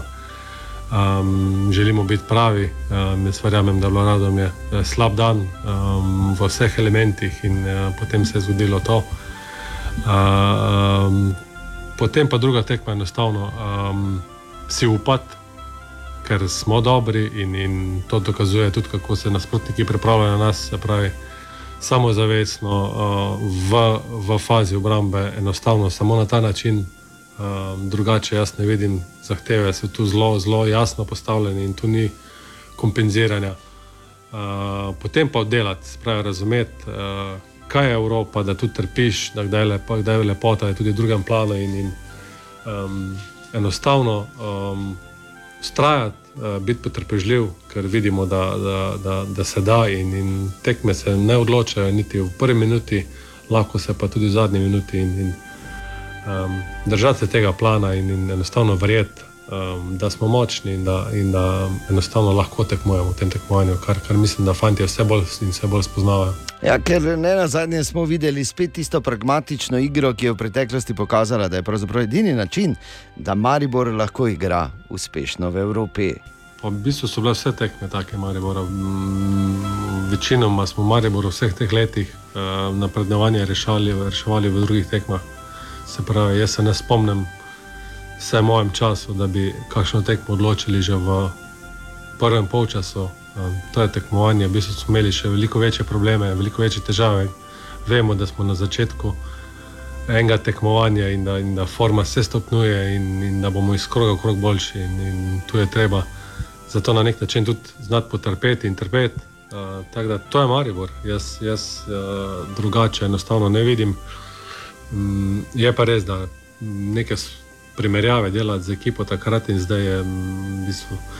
Um, nima smisla, ena čisto drugačna ekipa, ki je bila sestavljena za daljši čas, tukaj ena, vseeno ena čisto nova ekipa, eh, veliko mlajša ekipa in, in uh, v bistvu že, bom rekel, kaže neke uh, tise oziroma tega, kar želimo, da bi Marijo bil. Tako da mogoče celo neke stvari prehitevamo, ampak um, to je tisto delo. Za delom, ki ga v Mariboru zelo hitro spoznaš, um, uh, poskušaš uh, stopiti v eno, eno resno ekipo, en resen klub, ki, ki želi tekmovati resno v Evropi in v prvenstvu. Ja, in verjamemo, da bo uspelo še enkrat, pardon, dvakrat več, zato ker je Maribor. Šampion! Tako, hvala lepa, športni direktor Marko Šuler. Dobra, mali in stari. Podcast jutranje ekipe.